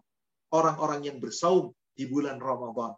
Bukankah orang yang saumnya benar di bulan Ramadan dijamin oleh Allah surga? Bukankah orang yang saumnya benar sepanjang Ramadan diampuni oleh Allah dosa-dosanya, lalu jaminannya adalah surga? Tentu. Kita semua menginginkan itu. Itulah saudaraku seiman yang semoga dirahmati Allah. Tentang golongan yang dirindu surga. Orang-orang yang dirindu surga. Apakah kita ingin termasuk yang dirindu surga? Jika kita ingin termasuk yang dirindu surga, mari kita beramal sebaik-baiknya saya akan sampaikan sebuah hadis kembali. Bagaimana cara kita bisa memasuki surga? Hadis ini adalah hadis yang sahih, Hasan sahih, diriwayatkan oleh Imam At-Tirmidzi dari sahabat Mu'adz bin Jabal. Pada suatu ketika, Mu'adz bin Jabal ketika bersama Rasulullah sallallahu alaihi wasallam, beliau bertanya, "Qultu ya Rasulullah." Mu'adz bertanya, "Wahai Rasulullah, akhbirni bi amalin yudkhilunil jannah wa yub'iduni 'anil nar." Wahai Rasulullah, tolong beritahukan kepadaku, tunjukkan kepada ke suatu amal. Yang dengan amal itu, aku akan masuk surga. Dan aku akan terjauh dari neraka. Terhindar dari neraka. Qala, maka Rasulullah menjawab, pertanyaan Muaz bin Jabal dijawab oleh Rasulullah sallallahu alaihi wasallam. Laqad sa'alta an azim. Wahai Muaz, Sungguh engkau telah bertanya suatu pertanyaan yang besar. Amal apa yang bisa masuk surga, terjauh dari neraka? Ini pertanyaan besar, wahai Mu'az. Wa innahu la yasirun ala may ta'ala. Tetapi seberat apa pun, sesungguhnya dia akan dimudahkan oleh Allah Subhanahu wa taala bagi orang-orang yang dimudahkan. Apa itu amal yang bisa mengantarkan kita ke surga? Rasul menguraikan, ta'budullah la tusyriku bihi syai'ah. Beribadahlah kamu kepada Allah jangan pernah menyekutukan sesuatu pun dengan Allah. Ibadah pada Allah. Rukun Islam dijalankan. Yang wajib, yang sunnah dijalankan. Itulah orang takwa. Bukan hanya menjalankan yang wajib. Bukan hanya parsial menjalankan. Tapi keseluruhan. Dan jangan menyekutukan Allah dengan sesuatu tuqimus salat, tegakkan salat. Waktu di zakat, tunaikan zakat. Waktu sum, watasumu Ramadan, tunaikan puasa Ramadan. Watahujul bait, dan tunaikan haji ke Baitullah. Pokok daripada Islam, rukun Islam, jalankan. Setelah Anda syahadat, empat rukun Islam. Salat, puasa, zakat, haji, jalankan. Itulah ciri orang takwa. Menjalankan segalanya. Kecuali bagi yang tidak mampu zakat, nggak usah zakat. Yang nggak mampu haji, nggak usah haji. Tidak mengapa. Kenapa? Zakat dan haji bagi orang yang kaya, yang mampu. Adapun sholat dan saum, nggak ada. Kecuali semuanya wajib. Adapun orang yang sakit, tidak diwajibkan. Tapi harus membayar kodok. Atau kalau tidak mampu bayar kodok, harus bayar fidyah. Jadi rukun Islam dijalankan dengan benar. Lalu ditaati segala aturan Allah dan Rasulnya. Itu ciri takwa. Itu menghantarkanmu ke dalam surga. Kemudian setelah itu Rasulullah summa qal, kemudian beliau bersabda kembali, "Ala adulluka ala abwabil khair?" Wahai Muaz, mau aku tunjukkan kepadamu pintu-pintu kebaikan? Apa itu pintu kebaikan? As-saumu junnah. Puasamu itu adalah perisai. Yani perisai yang mendindingi kita dari api neraka sadaqatu tutfi'ul khati'ata kama tutfi'ul ma'un nar. Sodakohmu akan menghapuskan kesalahan dan dosa-dosa seperti air mematikan api. Jadi sodakoh kita itu menghapus dosa-dosa kita. Dengan banyaknya kita sodakoh, berbuat kebaikan-kebaikan. Insya Allah, dosa-dosa kita digugurkan. Allah berjanji itu. Semua perbuatan baik. Bukankah itu sodakoh? Bukankah Jabir bin Abdullah dalam hadis riwayat Imam Muslim mengatakan, Kullu ma'rufin sodakoh, tiap perbuatan baik adalah sodakoh, maka orang yang sholatnya benar, diiringi dengan akhlak yang baik, perbuatannya baik, sodakohnya baik, pasti Allah gugurkan dosa-dosanya. Dan itu Allah janjikan di surat 11. Surat Hud ayat 114. Aqimus sholat, torofayin nahar, wa zulafa minal layl. Dirikan sholat di kedua waktu tepi pagi, yakni tepi siang, pagi dan petang, dan di permulaan awal malam. Ini sholat fardu. Yang lima waktu, dan tentu sholat-sholat sunnah kita tambahkan. Innal hasanat yudhibnas sayyi'ah. Sesungguhnya perbuatan-perbuatan baik menghapuskan dosa-dosa Bukankah setiap perbuatan baik itu namanya sodako? Jadi yang dimaksud Rasulullah sodako bisa menghapuskan dosa, bisa sodako dengan harta, sodako dengan perbuatan-perbuatan baik kita, habluminanas, dengan akhlak yang baik. Yang saya sebut tadi pertama, aktsaru ma yudkhilul jannah taqwallah wa husnul khuluq. Yang paling banyak memasukkan surga seseorang adalah hamba itu takwa kepada Allah dan habluminanasnya akhlaknya baik. Summa qal. Kemudian Rasulullah bersabda, Fatajafa junubuhum anil madaji' Orang-orang yang sholatnya benar pasti tidak akan mengabaikan sholat malam. Maka digambarkan di situ, lambung mereka jauh dari tempat tidurnya. Yada'una rabbahum khawfa wa tama'a. Mereka takut kepada Allah dan senantiasa berdoa kepada Allah dengan rasa takut dan penuh harap wa mimma razaqnahum yunfiqun. Sebagian rizki yang Allah berikan kepada mereka diinfakkan. Ini ciri orang yang imannya benar, orang yang takwanya benar. Surat As-Sajdah ayatnya ayat yang ke-16. Disebutkan. Apa artinya kalau begitu? Infak kita, sodakoh kita, kebaikan kita. Menggugurkan dosa-dosa. Kemudian summa qal. Rasulullah kemudian bersabda, "Ala ukhbiruka bi umur?" Wa amuduhu wa dirwatu sanamihi wahai Muaz maukah aku tunjukkan kepadamu sebuah pondasi kemudian sebuah tiangnya kemudian sebuah puncaknya? Apa itu pokoknya pokok urusan? Apa itu tiang urusan? Apa itu puncaknya? Kultu bala ya Rasulullah. Maka Muaz menjawab tentu wahai Rasulullah. Apa itu pokok dari urusan agama? Apa itu tiangnya agama? Apa itu puncaknya agama? Maka qala Rasulullah menjawab Rasul umri al-Islam. Pokok urusan adalah sahadat, Islam. Wa amuduhu as-salat. Tiang daripada agama adalah salat. Wa dirwatu sanamihi al-jihad. Dan puncak dari segalanya adalah jihad. Kesungguhan kamu dalam beribadah kepada Allah. Itulah puncaknya. Kemudian setelah itu summa qal. Kemudian Rasulullah menyampaikan kembali, "Ala ukhbiruka bimilaki bimalaki dzalika kullah?" Wahai Muaz, mau nggak aku tunjukkan kepadamu semua kunci-kunci tadi agar kamu bisa masuk surga? Kultu bala ya Rasulullah. Maka tentu wahai Rasulullah, apa kuncinya itu? Fa'akhoda. Rasul kemudian menyampaikan kepada Muaz sambil menunjukkan lidahnya. Diambil lidahnya, dijulurkan Rasul, dipegang, lalu ditunjuk. Ya Mu'ad, kuffa alaika hadha. Wahai Mu'az, kunci suksesmu semua itu agar masuk surga. Jaga ini olehmu. Jaga lisan. Dengan lisan kita bisa terjerumus ke neraka. Dengan lisan kita terjerumus, eh, kita selamat dari neraka. Kita masuk ke dalam surga. Subhanallah. Subhanallah. Maka subhanallah. Saat itu Rasulullah Shallallahu Alaihi Wasallam ketika menyampaikan jaga ini, Muaz bin, Jabal kemudian mengatakan, Ya Nabi Allah, wa inna la, wa inna la mukhaduna bima natakallam. Wahai Rasulullah, mungkinkah kami akan dilemparkan ke neraka gara-gara yang kita ucapkan? Gara-gara mulut? Rasul sampai marah ketika itu kepada Musa. Zakilat umuk Semoga celaka ibumu ya Mu'ad. Wahal yakubun nasa finnar ala wujuhim. Bukankah manusia dijerumuskan oleh Allah wajahnya ke dalam neraka? Auqala atau Rasul mengatakan ala manakhirihim? Ke dalam neraka dijerumuskan dirinya. Illa khasaitul listanihim? Bukankah itu terjadi karena ini nih akibat dari perkataan kalian? Subhanallah. Kunci semuanya wahai saudaraku sekalian. Nah jaga lisan bukankah kita syahadat dari lisan penuhi segala-galanya. Jika kita mampu mengamalkan ini, insya Allah semoga kita termasuk yang dirindu surga.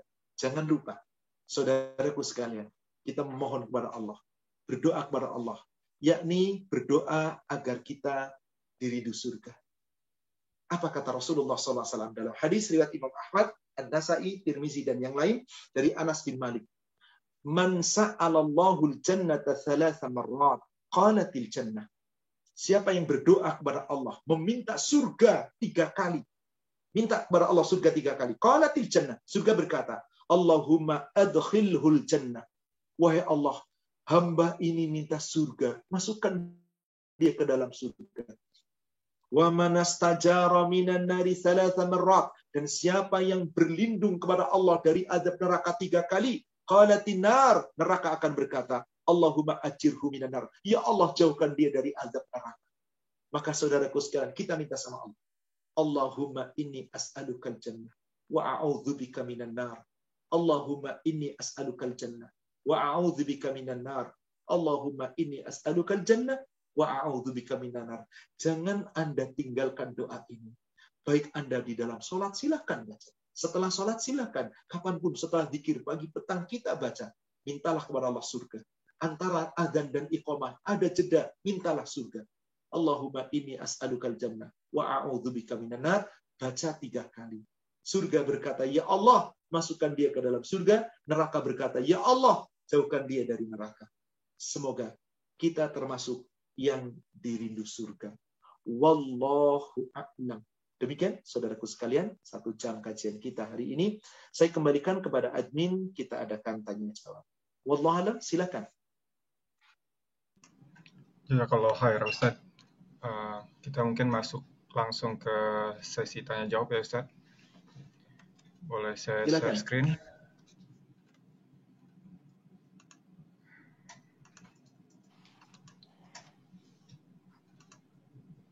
Untuk pertanyaan pertama begini Ustaz. Assalamualaikum warahmatullahi wabarakatuh Ustaz. Saya mau menanyakan bagaimana bagaimana supaya saya bisa mengatasi rasa takut akan datangnya kematian, dan bagaimana saya bisa berhenti untuk merasa was-was mati.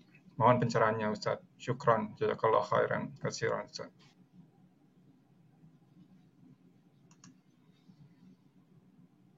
Tiap orang pasti takut mati. Wajar. Tapi asal takutnya sekedar khauf. Hanya khawatir. Jangan sampai khosh. Kenapa ada orang takut mati berlebihan? Karena dia sadar belum punya bekal. Maka jika kita orang takwa, Allah perintahkan kepada kita agar kita nggak perlu lagi takut tentang mati. Di surat Al-Hashr, surat 59, ayat 18, Allah Subhanahu wa taala berfirman, "Ya ayyuhalladzina amanut taqullah." Hai orang-orang yang beriman, bertakwalah kamu kepada Allah wal tanzur nafsum ma qaddamat li ghad. Hendaklah setiap diri kita masing-masing memperhatikan bekal apa yang telah Anda miliki untuk bekal akhirat. Anda takut mati karena Anda tidak memiliki bekal akhirat. Karena Anda terlalu cinta dengan dunia. Tapi kalau kita terlalu cinta dengan akhirat, kita cari dunia, kita nggak khawatir. Karena kematian itu sesuatu yang pasti terjadi. Meskipun kamu takut mati, mati pasti tiba. Allah sebutkan antara lain di surat An-Nisa, surat 4 ayat ke-78. Allah subhanahu wa ta'ala berfirman, Aynama takunu yudrikumul maut, walau kuntum fi buruji musyayyada.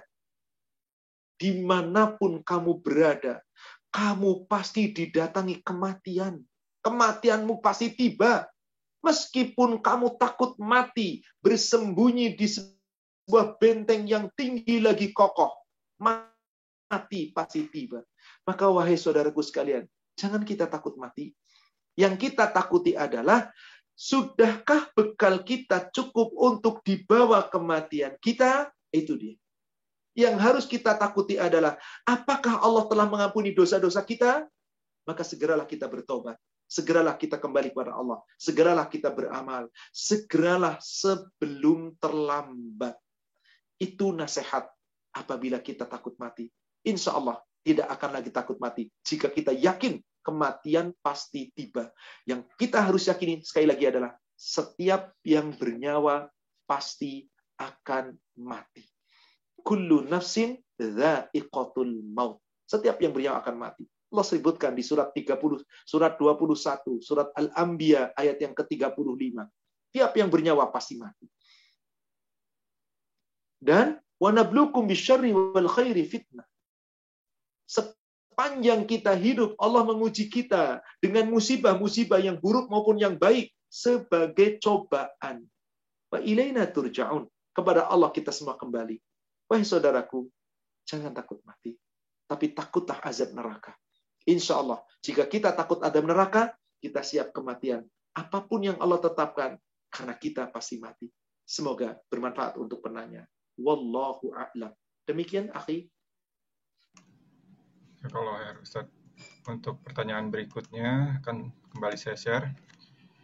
Assalamualaikum warahmatullahi wabarakatuh. Ustaz, Anda mau bertanya, apa yang dimaksud dengan apa yang dimaksud bahwa neraka adalah keterpisahan kekal dari Allah Subhanahu wa taala? Mohon penjelasannya Ustadz. Syukron jazakallah khair. Maksudnya keterpisahan kekal maksudnya begini. Neraka itu terpisah dari rahmat Allah. Tapi kekal. Surga kekal, neraka kekal. Nggak ada lagi kematian. Kekal di dalamnya selama-lamanya. Maka orang-orang di neraka, khalidina fiha. Orang-orang di dalam surga khalidina fiha. Yang tidak kekal di neraka orang-orang yang telah mengadakan perjanjian dengan Allah, yakni orang yang pernah mengucapkan dua kalimat syahadat, sitqan min qalbi, tapi keikhlasan itu terbit dari hatinya. Hanya imannya kecil. Maka dalam hadis yang diriwayatkan oleh Imam Muslim dari Anas bin Malik, Rasulullah Shallallahu alaihi wasallam bersabda, yakhruju minan nar man qala la ilaha illallah fi qalbihi imanan mithqala khintah akan diangkat dikeluarkan dari neraka. Orang yang mengucapkan kalimat syahadat la ilaha illallah meskipun di dalam hatinya ada keimanan sebesar gandum. Yakhruju minan nar. Man qala la ilaha illallah fi qalbihi imanan misqala habbah. Akan dikeluarkan dari neraka orang-orang yang punya iman, yakni orang-orang yang mengucapkan la ilaha illallah di dalam hatinya punya iman sebesar al-bur, sebelum habba itu bur, maksudnya sebiji beras. Kemudian terakhir sebiji habba, sebesar biji sawi, sebesar debu. Yang kecil sekali imannya tetap dikeluarkan, tapi dia paling terakhir dikeluarkan dari neraka berarti paling terakhir masuk surga. Artinya apa? Orang-orang yang kekal di neraka adalah orang yang dikehendaki Allah kekal tanpa mendapat syafaat, orang yang tidak pernah mengakui Allah, yang tidak menemukan syahadat. Maka neraka itu kekal yang terpisah dari rahmat Allah. Adapun surga semuanya dengan rahmat Allah. Maka orang-orang yang ngawur mengatakan, biarlah saya masuk neraka yang penting Allah ridho. Mana mungkin Allah ridho bagi penghuni neraka? Bagaimana mungkin Allah ridho dengan penghuni neraka? Orang yang diridhoi Allah pasti ke dalam surga. Maka Allahu anhu marodu'an hanya untuk penghuni surga. Penghuni neraka boro-boro ridho. Allah berbicara aja enggak? Allah berbicara enggak? Terjadi dialog antara penghuni neraka dengan Allah. Di surat 23, surat Al-Mu'minun. Dari ayat yang ke 106 ketika mereka berada di dalam neraka. Dari ayat 105, afan. Allah bertanya kepada penghuni neraka yang sudah ada di dalam neraka. Qala alam takun ayati tutsla alaikum fakuntum biha tukadzibun.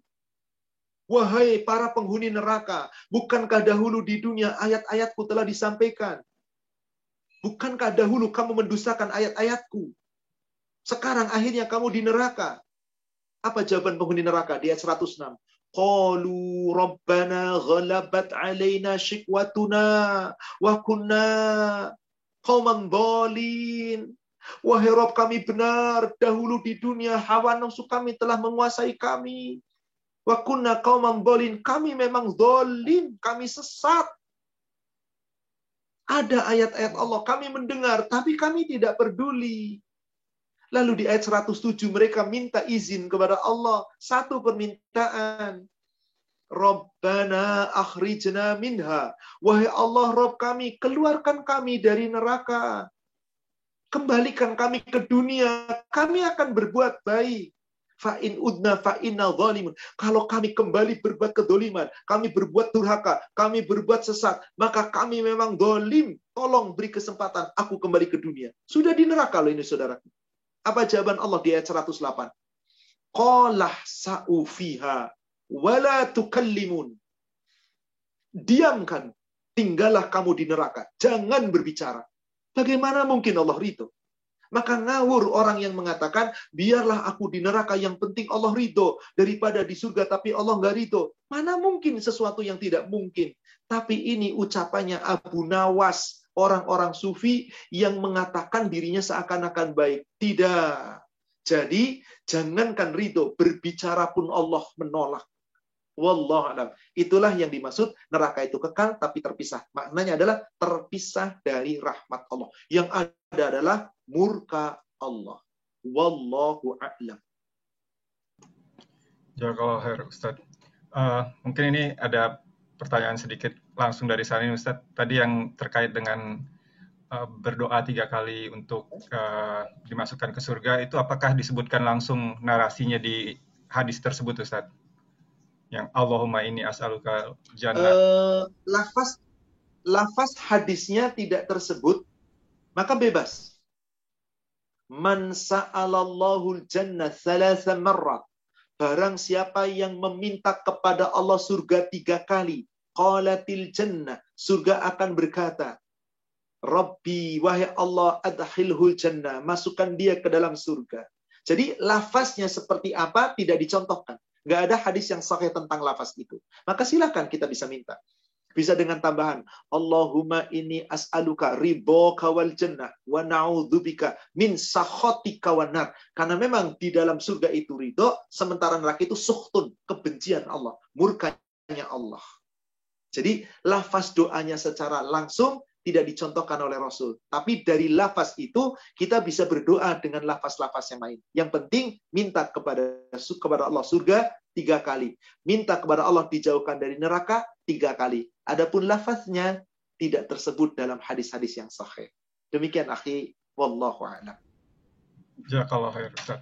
Untuk pertanyaan berikutnya akan kembali saya share screen. Assalamualaikum Ustaz.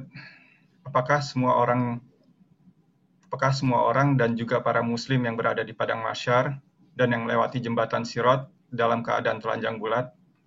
Sukron jawabannya Ustaz. Ketika manusia dikumpulkan di padang masyar telanjang bulat, iya. Hal ini Allah firmankan di dalam surat Al-Kahfi, surat 18. Ayatnya ayat yang ke-28. Afan, ayat yang ke-48.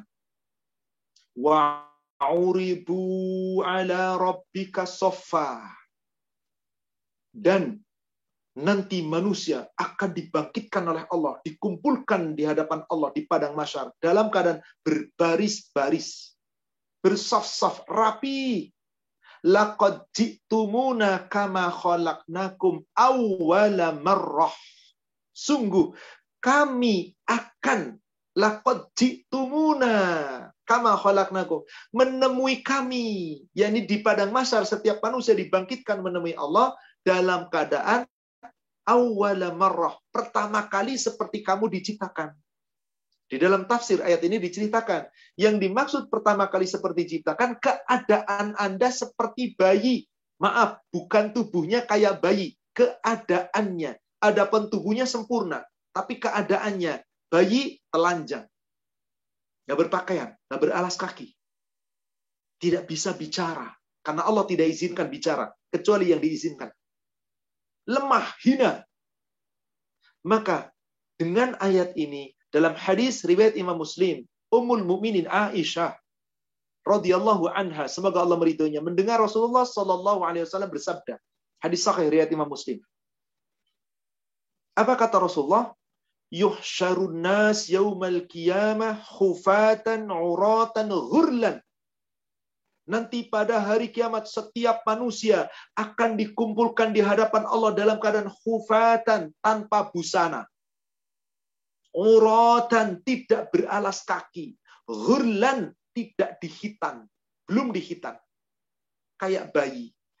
Telanjang bulat, nggak punya alas kaki, nggak dihitan, lemah, tidak berdaya upaya. Kultu ya Rasulullah. Ketika Rasul menyampaikan itu, Aisyah bertanya, Wahai Rasulullah, An-nisa warrijal jami'an yang duru ba'duhum ila ba'din? Apakah di saat itu laki-laki dan wanita dicampur baur sehingga karena telanjang mereka tidak melihat satu sama lain. Tidakkah mereka memandang aurat satu sama lain? Mendengar pertanyaan Aisyah, kemudian Rasulullah bersabda, Ya Aisyah, al-mar'u yawma nashad. Wahai Aisyah, manusia hari itu berat, berat. Fakaifa yang duru ba'du mila ba'din. Bagaimana mungkin untuk melihat aurat satu sama lain? Gak peduli. Jadi memang di padang masyar manusia dipakaikan apa telanjang bulan. Tapi dalam hadis riwayat Imam Muslim diceritakan di saat dikumpulkan telanjang bulat, maka yang pertama kali diberi pakaian adalah para nabi dan nabi yang pertama dikasih pakaian adalah Nabiullah Ibrahim Abul Ambiya. Kemudian Rasul-Rasul Ulul Azmi, Nabi kita Muhammad Wasallam, Nabi Isa, Nabi Nuh, Nabi Musa, dan Nabi-Nabi yang lain. Kemudian umatnya. Tapi ada orang-orang yang dikasih pakaian dari aspal panas, orang-orang yang dolim. Ada orang yang dikasih pakaian dari api neraka, orang-orang kafir. Ada orang-orang yang diberi pakaian dengan pakaian putih, orang-orang yang beriman. Jadi saat pertama dikumpulkan dalam rangka dihisap, dalam keadaan berpakaian. Tapi ketika sudah digiring, setelah dihisap dan ditimbang, untuk menuju jembatan sirat dan melangkah, apakah sampai ke surga atau tidak, maka di situ ada yang berpakaian aspal panas, ada yang berpakaian api neraka, ada yang berpakaian pakaian putih-putih. Semua tergantung dengan amal kita. Baru setelah masuk surga, Allah berikan pakaian libasuhum fiha harir. Pakaian di dalam surga adalah sutra. Demikian wallahu a'lam. Jazakallah khair Ustaz. Untuk pertanyaan berikutnya nih kebetulan masih ada beberapa pertanyaan Ustaz. Agak lumayan banyak.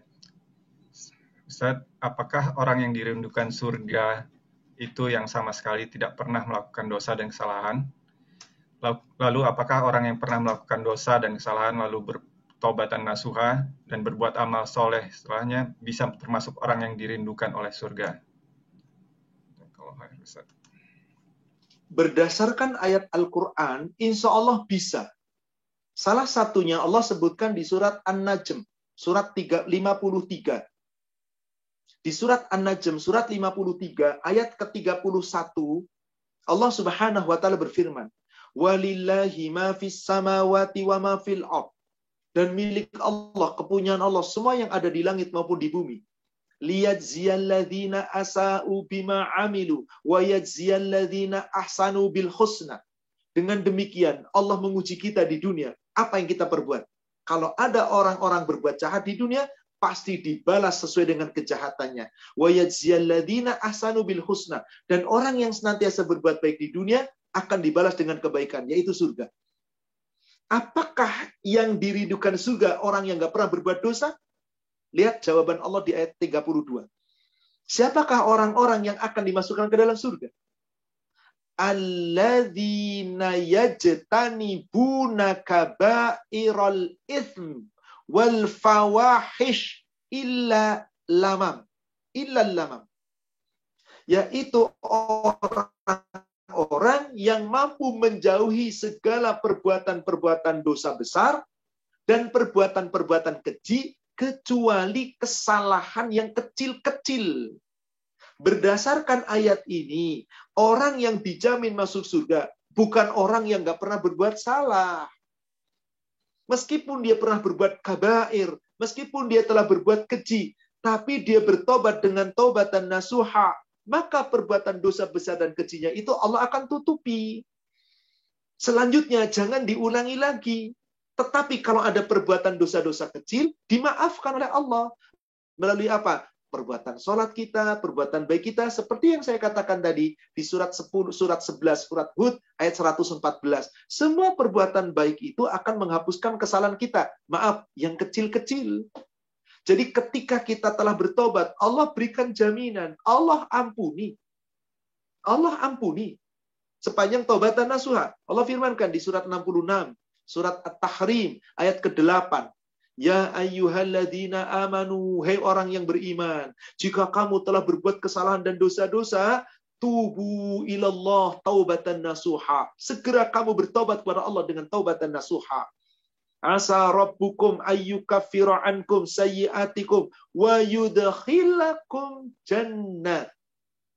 Jadi, orang yang berbuat dosa asal bertobat dijamin surga. Yang penting bertobat sebelum terlambat. Jadi ketika kita sudah bertobat, jangan ulangi lagi dosa besar, kecil, dan mungkar seterusnya, kecuali dosa-dosa yang kecil-kecil. Insya Allah, illal lamam dikecualikan oleh Allah. Maka dikatakan tadi, kembali ke surat 53 ayat 32. Illal lamam, dosa yang kecil-kecil. Inna rabbaka wasi'ul maghfirah. Rabbmu maha luas ampunannya. Huwa a'lamu bikum id atsa'akum ajinnatum fi butunikum. Huwa a'lamu bikum id ansa'akum minal ard. Allah lebih tahu tentang kamu di saat kamu pertama kali diciptakan dari tanah.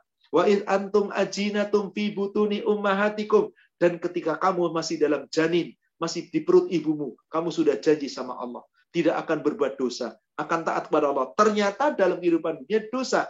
Allah kasih kesempatan bertobat. Insya Allah. Yang penting ujung ayat surat 53 ayat 32 Allah katakan, "Fala tuzakku anfusakum." Kamu jangan merasa dirimu suci. Jangan merasa merasa bersih dari kesalahan dan dosa. Kalau kita berbuat kesalahan dan dosa, akui, segera mohon ampun, bertobat. Jangan merasa suci. Huwa a'lamu bimanik. Sebab Allah yang paling tahu siapa orang yang bertakwa. Wallahu a'lam. Jadi dari pertanyaan Bapak ini bahwasanya apakah orang yang berdosa apabila bertobat bisa masuk surga? Jawabannya dalam Al-Qur'an, iya. Wallahu a'lam. Demikian. Jazakallah khair Ustaz. Uh, mungkin terkait dengan surat At-Tahrim tadi Ustaz ayat 8 ada juga yang bertanya kebetulan uh, Begini Ustaz, Assalamualaikum Ustaz, Afan, untuk doa yang di surat At-Tahrim ayat 8, boleh diamalkan sekarang sebagai permohonan kita nanti di Sirot? Uh, kalau kita melihat dohir ayat itu, ayat itu menjelaskan orang-orang yang nanti ketika di dunia telah bertobat, di akhirat saat dikumpulkan doanya masih itu. Rabbana atmim lana nurona waghfir lana Ya Allah, sempurnakanlah cahaya iman kami dan ampunilah dosa-dosa kami. Ini doanya orang-orang ketika telah dibangkitkan di padang mahsyar. Kalau kita lihat doanya. Karena kan lanjutannya di situ asa rabbukum ayyukafira ankum sayyiatikum wa yudkhilakum jannah.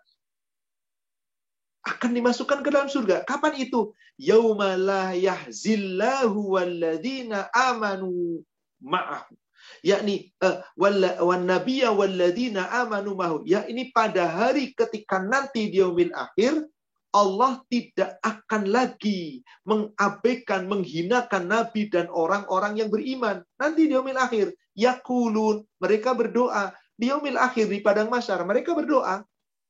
Rabbana atmim lana nurona. Kenapa? Kita ingin supaya nanti di padang masyar, setelah kita dihisap, kita mendapat cahaya iman Maka doanya sempurnakan cahaya iman kami. Apakah kita boleh berdoa di dunia dengan doa itu? Silahkan saja kalau kita mau berdoa. Tapi sempurnanya cahaya iman tidak cukup dengan doa. Harus dengan usaha. Bagaimana caranya kita berusaha untuk bisa dapat cahaya iman? Allah sebutkan di surat 57 ayat 28. Takwa, yakni iman dan kepada Allah dan Rasul dengan sebenar-benarnya. Dapat cahaya iman. Meskipun kita tidak berdoa minta cahaya iman, kalau kita mau minta cahaya iman, ada doa yang telah Allah ajarkan. Jadi di surat 57 ayat 28 Allah katakan di situ, ya ayyuhalladzina amanu taqullah wa aminu bi rasulih. Hai orang yang beriman, kamu berimanlah kepada Allah, bertakwa kepada Allah sebenar-benarnya dan tetap mengimani rasulnya yu'tikum kiflaini min rahmatihi. Nanti Allah memberikan kepadamu rahmatnya dua bagian. Dengan rahmatmu dua bagian, Allah kasih apa? Wa yaj'alakum nura. Maka dengan rahmat dua bagian Allah jadikan untukmu cahaya, yakni cahaya iman. Tamshu nabi dengan cahaya iman kamu berjalan. Wa yaghfirlakum Allah ampuni kamu. Lalu bagaimana doanya? Hadis sahih Muslim dari sahabat Abdullah bin Abbas. Rasulullah Shallallahu Alaihi Wasallam di malam hari setelah beliau sholat malam, kemudian beliau selesai setelah mendengar waktu subuh, kemudian beliau sholat qobliyah subuh di rumahnya. Setelah itu mau berangkat menuju ke masjid, beliau membaca doa. Allahumma ja'al fi qalbi nura wa fi sam'i nura wa fi basari nura wa an yamini nura wa an yasari nura wa fawqi nura wa tahti nura wa amami nura wa khalfi nura wa azim li nura. Hadis sahih riwayat Imam Muslim. Ini doanya. Minta cahaya iman. Ini yang paling bagus.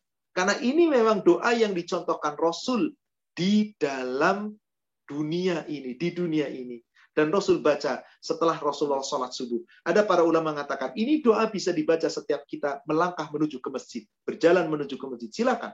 Allahumma ja'al, ya Allah jadikan untukku. Fi qalbi nuro, di dalam hatiku punya cahaya iman. Wa fi sam'i nuro, pendengaranku ada cahaya iman. Wa fi basari nuro, penglihatanku cahaya iman.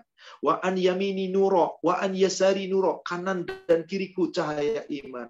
Wa fauqi nuro, wa tahti nuro, atas dan bawahku ada cahaya iman. Amami nuro, khalfi nuro, depan dan belakangku cahaya iman. Wa azimli nuro, besarkan cahaya iman itu untukku. Ini lebih baik daripada doa yang tadi.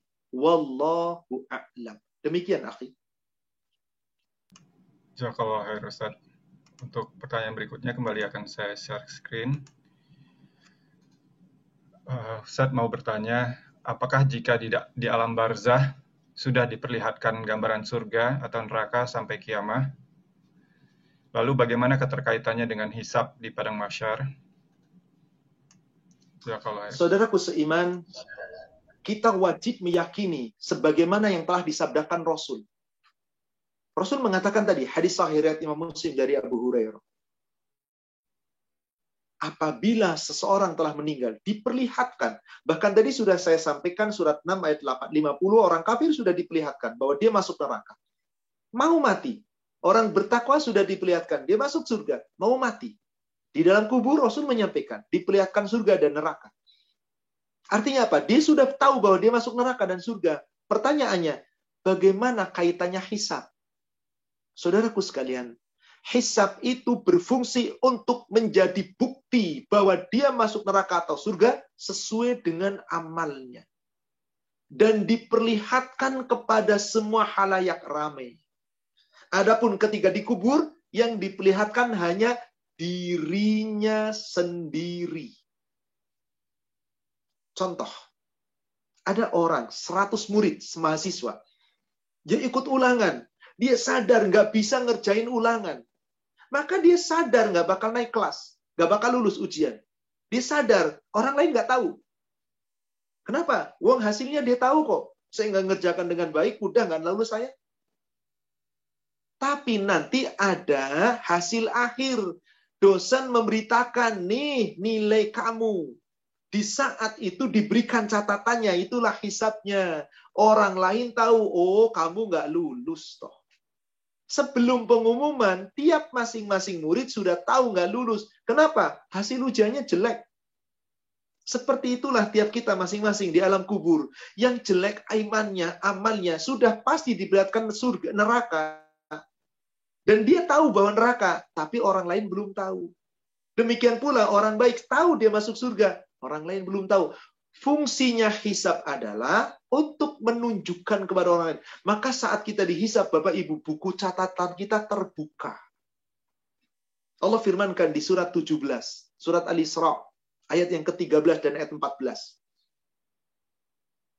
Wa kullal insan alzamnahu ta'irahu fi unuk fi unuki wa nukhriju lahu yaumal qiyamah kitaban yalqahu mansura.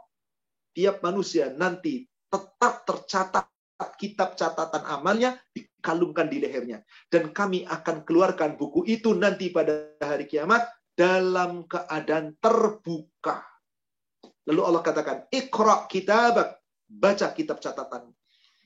Kafa binafsikal yawma alaika hasiban. Cukup hari ini kamu menghisap atas perbuatan dirimu sendiri untuk bukti kepada halayak ramai maka nanti ada pertanyaan antara penghuni surga dengan penghuni neraka. Kamu kan iman dulu, kamu kan Islam, kok ada di neraka? Jawabannya, kami dulu nggak sholat. Itu dialog itu ada di dalam Al-Quran. Jadi intinya, tiap-tiap diri sudah tahu ketika di alam kubur, bahkan sebelum proses kematian, ke mana tempatnya. Tapi fungsinya hisab adalah menjadi bukti untuk semua manusia dan menjadi bukti untuk dirinya sendiri bahwa memang dia pantas masuk neraka atau surga karena isi catatan yang ada di dalam buku catatannya. Demikian wallahu a'lam. Ya kalau Ustaz. Uh, Afwan Ustaz tadi yang terkait dengan peringatan dari Allah Subhanahu wa taala terhadap orang kafir untuk uh, hari akhirat nanti itu surat 6 ayat berapa ya Ustaz? 50. Maksudnya di saat dicabut nyawanya, akhi. Kolala. Surat 6 ayat 50. Walau tara idh yatawaffal ladina kafarul malaikah. Uh, apa Ustaz? Sepertinya bukan narasinya berbeda. Coba, narasinya berbeda. Seperti apa? Auzubillah minasyaitonirrajim. Kulla aku Bagaimana bunyi ayatnya, akhi? Ya. Ya, ini uh, ayatnya insya Allah oh, saya bacakan. Kalau ayat 51-nya, akhi? Ayat, ayat 51-nya apa? Wa anzir bihi ladzina ya, yakhafuna ayyuh syaru oh, ila rabbihim. Uh, jazakallah khair. Afan, afan akhir. Cukup, cukup saya salah mengingat ayat, saya salah mengingat surat. Maksud saya surat 8, Al-Anfal, afan, bukan surat 6. Jazakallahu khairan atas koreksinya. Surat 8 ayat 6. Surat 8 Al-Anfal ayat 50. Coba dibaca. Surat 8 ayat 50. 8 ayat 50. Coba baca. Walau taro izayatawaffal ladzina kafarul malaikatu yadribuna wujuhahum wa adbarahum wa dhuku adzabal hari. Silakan baca artinya. Dan sekiranya kamu lihat ketika dan sekiranya kamu melihat ketika para malaikat mencabut nyawa orang-orang yang kafir sambil memukul wajah dan punggung mereka dan berkata, Rasakanlah olehmu siksa neraka yang membakar.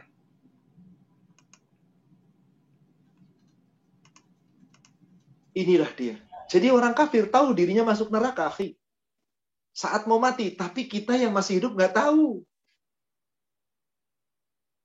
Demikian. Jadi saya tadi Afwan, saya salah menyebut surat yang saya sebutkan surat 6 Al-An'am yang saya maksud Al-Anfal yakni surat 8. Jazakallah khairan atas koreksinya. Jazakallah khair. Untuk pertanyaan berikutnya akan kembali kami share screen Ustaz. Uh, Assalamualaikum Silahkan. Ustaz. Mau bertanya apakah sekarang ini sudah ada surga dan neraka itu atau menunggu akhir zaman pada saat semua dibangkitkan dari alam barzah? Uh, uh, saudaraku seiman kepada para penanya, kalau ini sekedar pertanyaan boleh, tapi nggak ada gunanya kita bertanya itu. Demi Allah nggak ada gunanya. Apa maksudnya? Kita harus yakin surga itu gaib. Kita cukup imani. Neraka itu gaib. Maka kalau kita membaca surat Al-Baqarah di awal ayat Alif lam mim dzalikal kitabu la raiba fihi hudal lil muttaqin. Al-Quran itu tidak ada keraguan padanya. Petunjuk untuk orang takwa. Siapa orang takwa? Ayat 3 Allah sebutkan. Alladzina yu'minuna bil ghaib. Orang takwa itu iman kepada yang gaib. Kita imani neraka ada, kita imani surga ada. Nggak perlu kita cari tahu surga dan neraka sudah ada belum sekarang. Nggak ada gunanya. Apakah dengan itu menyebabkan iman kita naik? Takwa kita naik? Tapi kalau kita merujuk nas-nas, jelas sudah ada. Dan Anda perdebatkan kayak apa pun, nggak sampai akal kita. Kalau sudah ada, mana buktinya? Bagaimana membuktikan sesuatu yang gaib? Tapi kalau mana dalilnya? Ada. Ada. Mana? Hadis Rasulullah Wasallam. Ida dakhala Ramadan futihat abwabul jannah wa ghuliqat abwabun nar. Jika telah memasuki Ramadan, Allah buka pintu-pintu surga. Allah kunci pintu-pintu neraka. Berarti sudah ada. Tapi kan belum ada penghuninya. Anda nggak usah bercerita ke sana. Yang paling penting sekarang adalah bagaimana Anda menjadi orang yang dirindu surga. Nggak penting surga sudah ada atau belum sekarang itu. Kenapa? Karena masuk surga itu setelah mati. Maka tadi sudah kita ceritakan di surat 50, surat Qaf wa uzlifatil jannata lil muttaqina ghaira ba'id. Itu nanti didekatkan di saat sudah di akhirat. Tapi apakah sudah ada? Ya pasti surga Allah sudah ciptakan kok. Neraka sudah Allah ciptakan kok. Kalau begitu Rasul nggak lihat surga dong kalau belum ada. Bukankah Rasul ketika Isra, ketika Mi'raj, Rasulullah diperlihatkan surga, diperlihatkan neraka? Berarti sudah ada. Sudah. Yakini oleh kita surga ada, neraka ada ketika ditanya apakah sekarang sudah ada atau tidak, nggak penting bagi kita jawaban itu. Karena tidak menyebabkan iman kita naik. Yang paling penting, ada surga, ada neraka, dan jadilah kita orang yang dirindu surga. Bukan mempertanyakan sudah ada atau belum, tapi bagaimana caranya agar kita dirindu surga. Saya yakin itu lebih utama. Insya Allah, akhi. Tapi kalau sekedar pertanyaan, mudah-mudahan hanya sekedar. Tapi jangan untuk mencari dalih-dalih tetapi yakinilah yang gaib itu hanya milik Allah. Jadi tidak berguna kita itu. Wallahu a'lam. Demikian Ya kalau ya Ustaz. Untuk pertanyaan berikutnya, bagaimana maksud tafsir surat An-Nahl ayat 32 Ustaz yang mengatakan orang baik yang mati akan disambut oleh malaikat dan masuk surga. Apakah orang baik tersebut tidak uh, kayak sepertinya ini maksudnya tidak melewati fase-fase di alam barzah seperti hisab dalam alam kubur, mizan dan lain-lain. Syukron. Sudah disampaikan tadi, setiap orang bertakwa masuk surga, tapi masuk surga ada dua cara tadi. Di surat Al-Waqi'ah kita sebutkan, ada yang dihisap dulu, hisap pun macam-macam. Ada yang hisapnya ringan, cepat, ada yang hisapnya berat, ada yang lama, ada yang lama sekali tapi tetap masuk surga. Kenapa? Setelah ditimbang, amal ibadah yang baiknya lebih berat. Ada pula yang harus masuk ke neraka dulu. Ada pula yang tanpa dihisap. Artinya, yang Allah gambarkan di surat 16 ayat 32, mencirikan orang takwa, diwafatkan dalam keadaan husnul khatimah, dikatakan malaikat masuk ke dalam surga, karena memang kebaikannya dia, ketaatannya dia. Seperti apa kebaikannya? Saya katakan tadi, harus kita rujuk dari ayat 30. Maka saya sebutkan dari ayat 30. Wakilan ladina takau, wakilan ladina takau. Ditanyakan kepada orang bertakwa. Mada anzala rabbukum. Apa yang telah Allah turunkan bagimu? Apa yang telah Allah berikan untukmu? Maksudnya begini, Orang takwa itu, apa pun yang diberikan Allah kepadanya, dia tidak pernah mengeluh. Gak pernah mengatakan buruk. Qalu khaira. Semua dari Allah itu baik. Ada orang sakit parah, nggak pernah mengatakan, sial nih gue sakit. Enggak. Semoga sakitku menjadi kebaikan. Ada orang susah, sengsara. Nggak pernah mengatakan, Allah nggak sayang sama saya. Tapi Allah sayang dengan saya. Semoga dengan kesengsaraanku di dunia, Allah akan balas nanti di akhirat. Orang paling miskin nggak mengatakan, kenapa saya miskin terus? Tapi dia katakan, Alhamdulillah ya Allah, binikmati hitati musolihah. Semoga kemiskinanku ini hanya berlaku di dunia, tapi aku tidak miskin amal ibadah.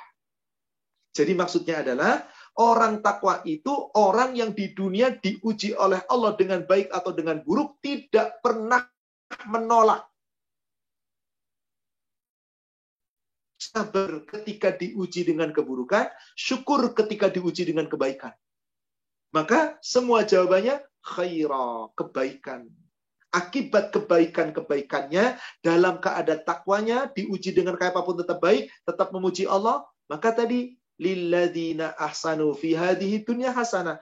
Di dunia orang yang berbuat baik pasti dikasih kebaikan. Kalau belum dapat di dunia, ujung ayat ke-30 wala darul akhiratu khair negeri akhirat itu lebih baik. Negeri yang penuh kenikmatan bagi orang takwa.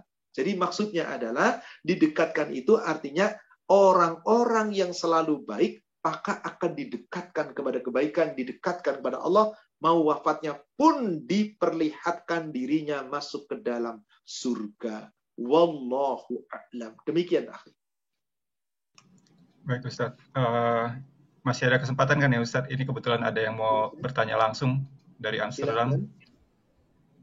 Silakan, Silakan di unmute, Kayani.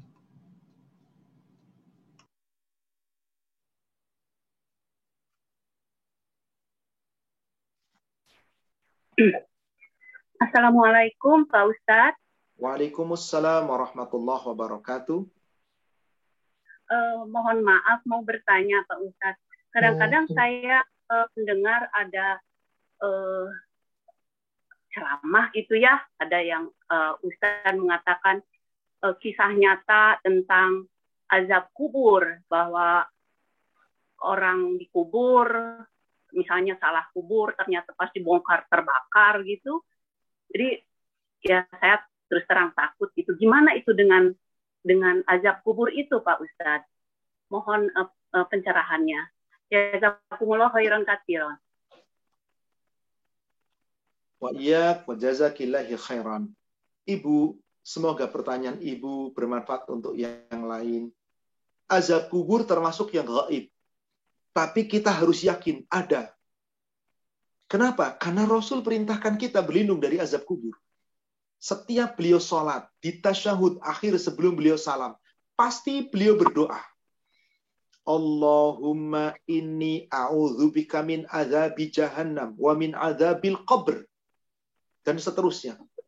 Setelah beliau salam, kemudian setelah beliau berzikir, lalu beliau berdoa, Allahumma inni a'udzubika minal bukhl wa a'udzubika minal jubn wa a'udzubika min an uradda ila ardalil umur wa a'udzubika min azabil qabr.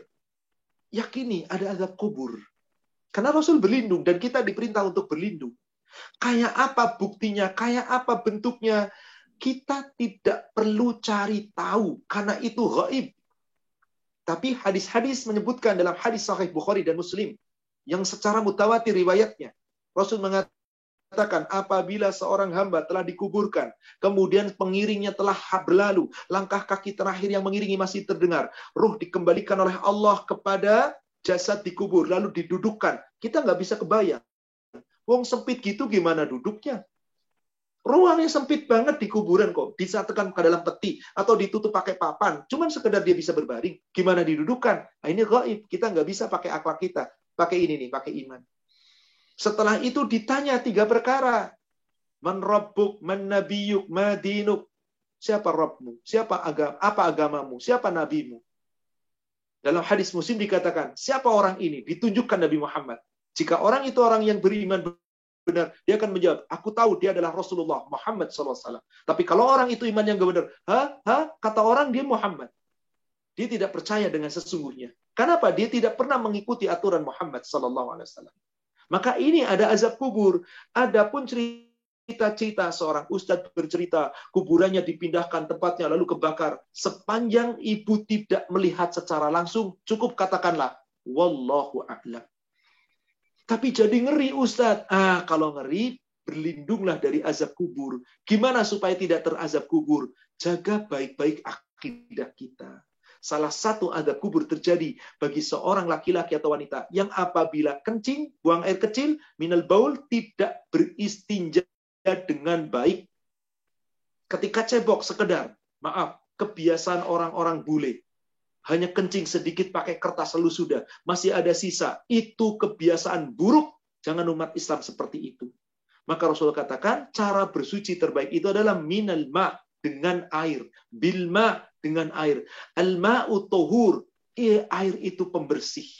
Maka dengan air yang terbaik. Karena salah satu adab, meskipun dia rajin ibadah, rajin sholat, rajin puasa, tapi ketika ketika buang air kecil nggak bersih sehingga masih ada najis, bisa menyebabkan terkena azab kubur.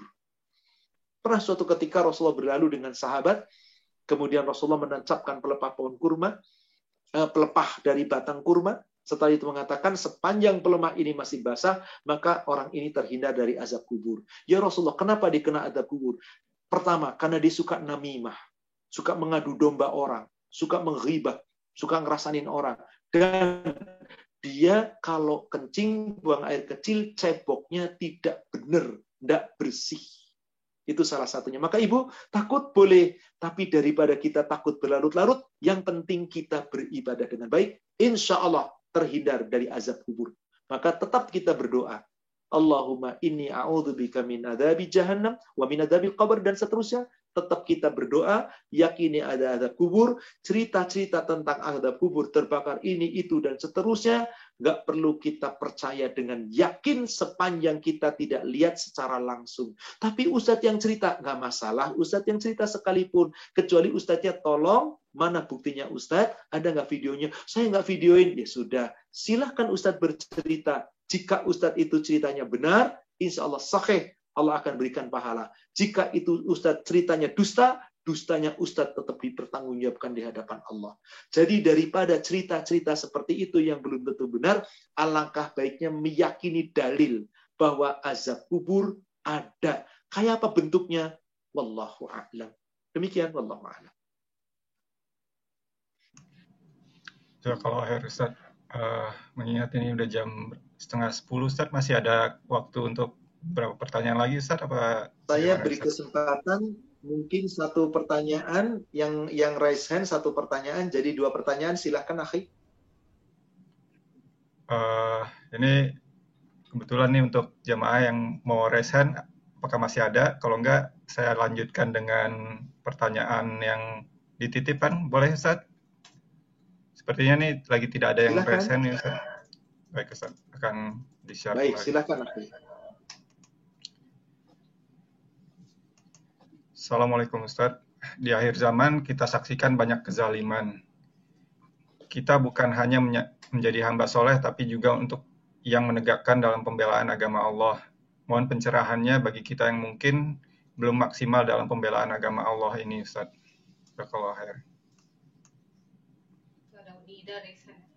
Uh, jika menolong agama Allah yang dimaksud itu adalah menegakkan Islam secara kafah, itu kewajiban kita individu, fardu ain.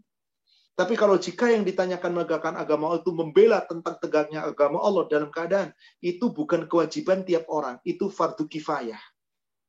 Karena ada hadis, "Idza ra'aitumul munkarat falyughayyir biyadik."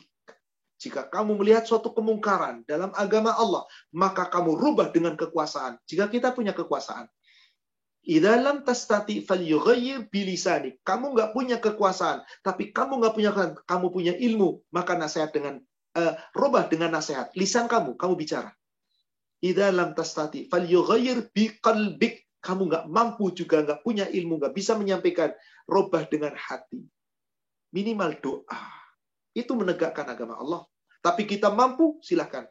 Yang paling penting menegakkan agama Allah, menolong Allah, justru bagaimana kita masing-masing.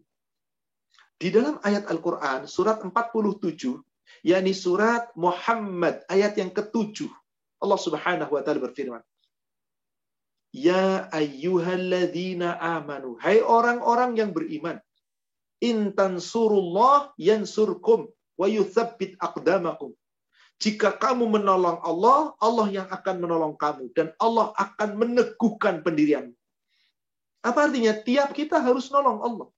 Bagaimana cara nolong Allah? Cari ilmu dengan baik untuk diri kita, beramal dengan baik, Jangan dolim kepada manusia, tegakkan aturan Allah, jalankan perintah Allah, tinggalkan larangan Allah, ikuti syariat Allah, sebenar-benarnya Anda sedang menolong Allah. Nanti Allah yang menolong Anda. Jadi menolong agama Allah itu yang paling utama pribadi-pribadi kita dulu. Maaf, Anda demo, tegakkan hukum Allah, syariat Allah. Kita harus bela kafir, kita harus khilafah, harus anu-anu. Hajar, sholat Anda sering lale, sholat sering diundur-undur. Sodakoh Anda pelit, saum Anda hanya yang wajib, yang sunnah-sunnah diabaikan. Sholat Anda yang wajib saja suka bolong-bolong. Ini nggak menegakkan agama Allah namanya. Jadi menegakkan agama itu yang paling penting untuk diri kita dulu. Baru setelah itu kita berjuang membela agama Allah sesuai kemampuan.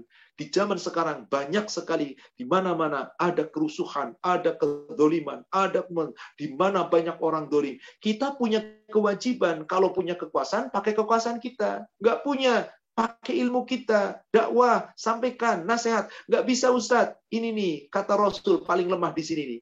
Fal yughayyir biqalbik jadi ketika hati Anda menolak keburukan dan Anda mendoakan orang-orang yang jahat agar diberi hidayah, ini Anda sudah membela agama Allah dengan doa. Tapi siapa yang cuek, nggak peduli apa pun, terserah dia, dosa-dosa dia, nggak peduli amat. Anda tidak termasuk punya iman. Kenapa hati Anda tidak tergetar ketika melihat sebuah kedoliman? Itulah cara kita menolong agama Allah. Wallahu a'lam. Demikian. Satu penanya lagi. Ya, kalau hai Ustaz. Ini kebetulan ada dua penanya yang resen nih Ustaz. Tadi uh, yang pertama sepertinya yang mengangkat tangan adalah Uni Ida.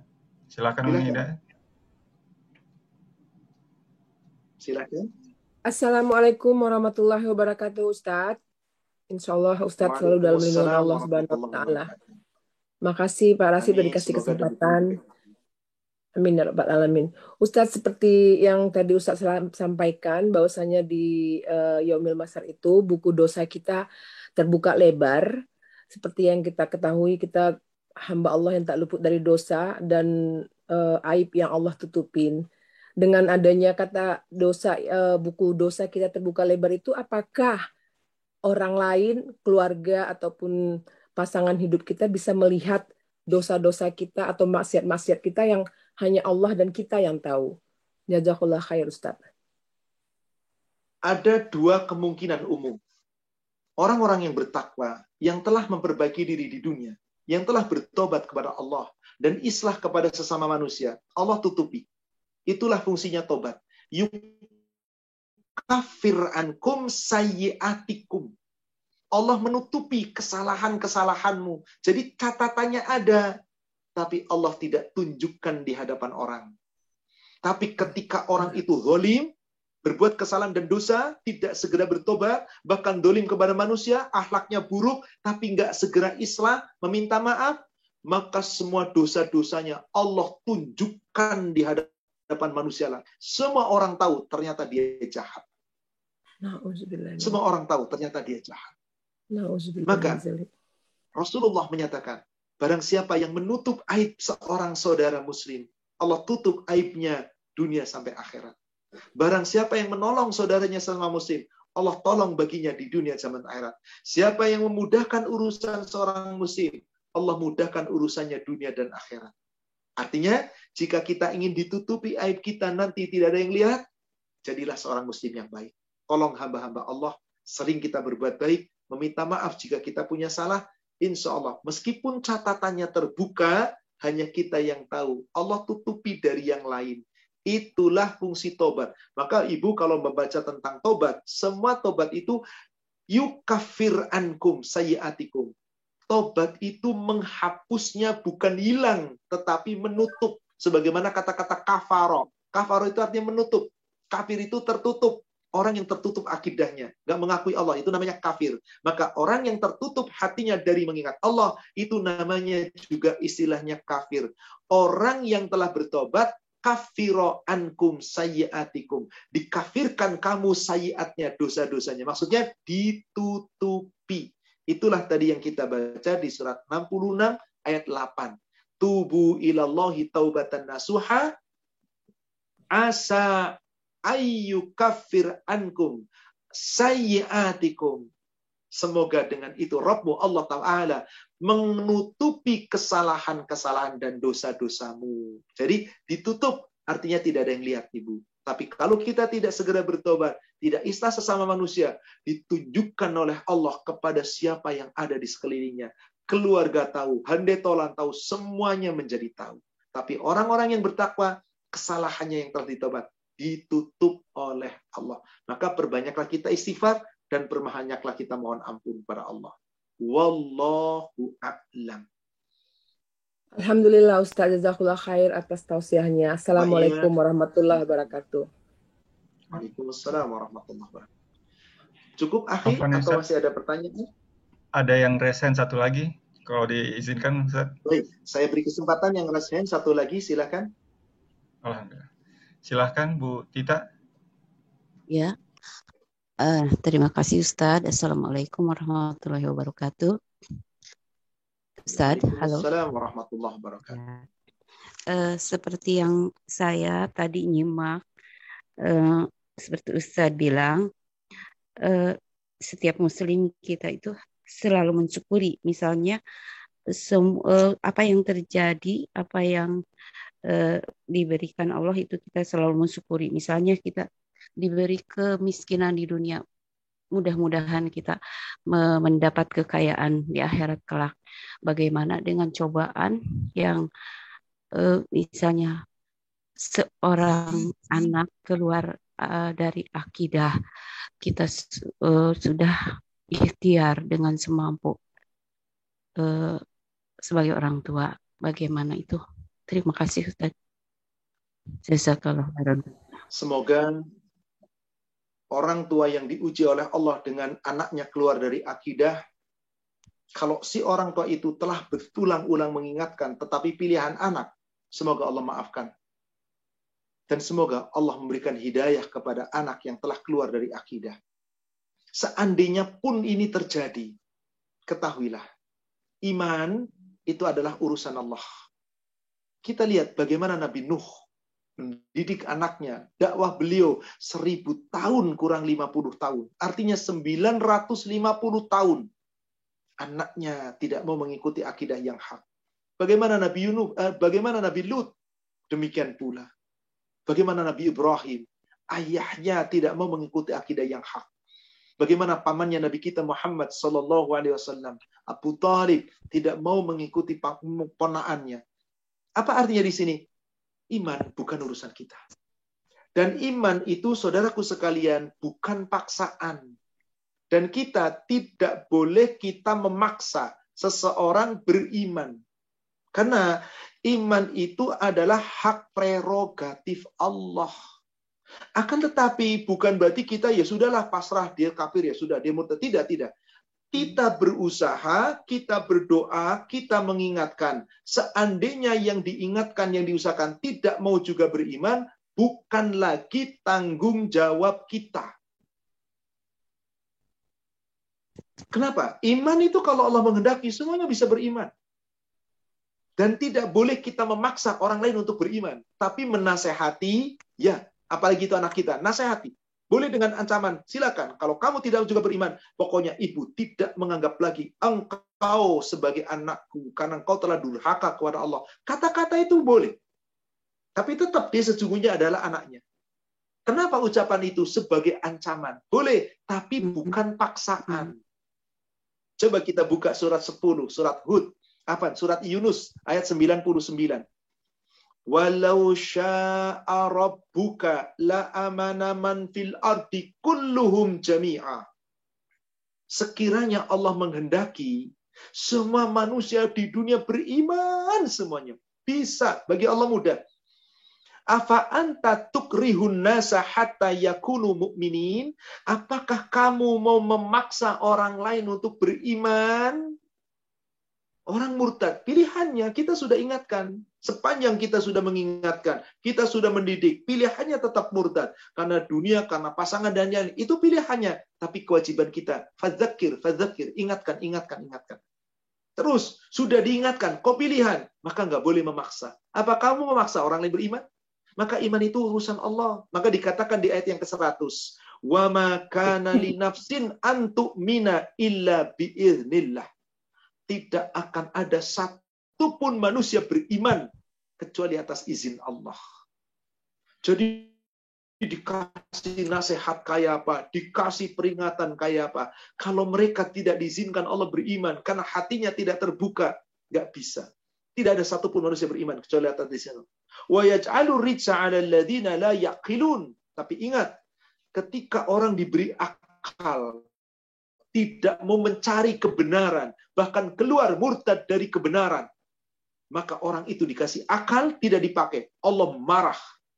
Maka dikatakan wa yaj'alu rijsa dan Allah akan timpakan rijsa, murka, kemarahan yang besar, azab yang sangat keras, kemurkaan berupa siksa neraka. Atas siapa? Alalladzina la yakilun. Atas orang-orang yang dikasih akal tapi nggak dipakai akalnya. Sehingga mencari kekufuran. Na'udzubillah. Intinya ibu, terus doakan, terus usahakan. Adapun pilihan akhir bukan lagi menjadi tanggung jawab ibu. Jika memang terjadi demikian, mohonlah ampun pada Allah. Ya Allah, Engkau maha mengetahui. Sepanjang hidup telah aku didik anakku. Telah aku besarkan anakku. Telah aku biayai anakku. Dan telah aku pesankan kepada anakku. Jangan sekali-kali murtad. Tapi dia memilih lain. Ya Allah, aku kembalikan kepadamu. Yang membolakkan hati adalah anakku. Adalah engkau. Ya Allah, kembalikan hati anakku ke dalam hidayah. Ke dalam Islam. Berdoa, berdoa. Kalau ternyata Allah lulukan, insya Allah bisa benar. Kalau Allah tidak lulukan, karena orang itu tidak mau luluh ke dalam Islam kembali, maka itu kembali urusan Allah. Demikian Ibu. Wallahu a'lam. Dari sini kita bukan bersyukur atas murtadnya orang, tetapi hmm. kita bersabar Allah membalas sabar kita dengan yang lebih baik. Demikian wallahu a'lam. Saya rasa cukup akhi kita sudahi karena waktu juga yang sudah cukup larut. Demikian kajian kita insya Allah bab tentang orang yang dirindu surga masih kita akan lanjutkan. Setelah kita tadi membahas tentang golongan-golongan, insya Allah pertemuan selanjutnya kita akan bercerita kayak apa indahnya surga, bagaimana nikmatnya surga, baik yang Allah firmankan di dalam Al-Quran maupun yang Allah sampaikan melalui Rasulnya di dalam Al-Hadis. Mudah-mudahan insya Allah dengan kita mengetahui tentang nikmatnya surga, meskipun gaib, tapi ada berita di dalam Al-Quran, kita bisa mengenal surga. Dengan kita mengenal surga, kita akan rindu dengan surga. Dengan kita rindu surga, kita berusaha agar surga rindu kepada kita. Wallahu a'lam. Yang benar dari Allah, yang disampaikan melalui Rasulnya. Yang salah saya yang menyampaikan, kita manusia yang penuh kekurangan dan kekhilafan. Semoga Allah memaafkan dan mengampuni dosa-dosa kita. Mari ibu bapak sekalian, kita tutup dengan kafaratul majlis. Subhanaka Allahumma wa bihamdika ashhadu an la ilaha illa anta astaghfiruka wa atubu ilaik. Alhamdulillah billahi taufik. Assalamualaikum warahmatullahi wabarakatuh. Waalaikumsalam warahmatullahi wabarakatuh Ustaz. Alhamdulillahirrabbilalamin. Jazakallah khair Ustaz atas waktu dan ilmunya. Semoga kajian kali ini bermanfaat bagi kita semua. Dan untuk menyimak kembali kajian kali ini dan kajian-kajian sebelumnya, silahkan kunjungi di channel YouTube kami, uh, Paduka underscore Rukyah. Dan uh, untuk para jamaah yang juga mengikuti kajian rutin Paduka, uh, diingatkan kembali ada kuis untuk bab tau, tau, permasalahan tentang tauhid bab 3 sampai 5 Kuis ini sudah disampaikan lewat uh, WhatsApp group info kajian. Um, dan uh, seperti biasa, kami juga mohon maaf jika ada kekurangan dan kesalahan dalam penyelenggaraan kajian kali ini. Barakallahu fikum, wabillahi taufiq wal hidayah. Wassalamualaikum warahmatullahi wabarakatuh. Waalaikumsalam.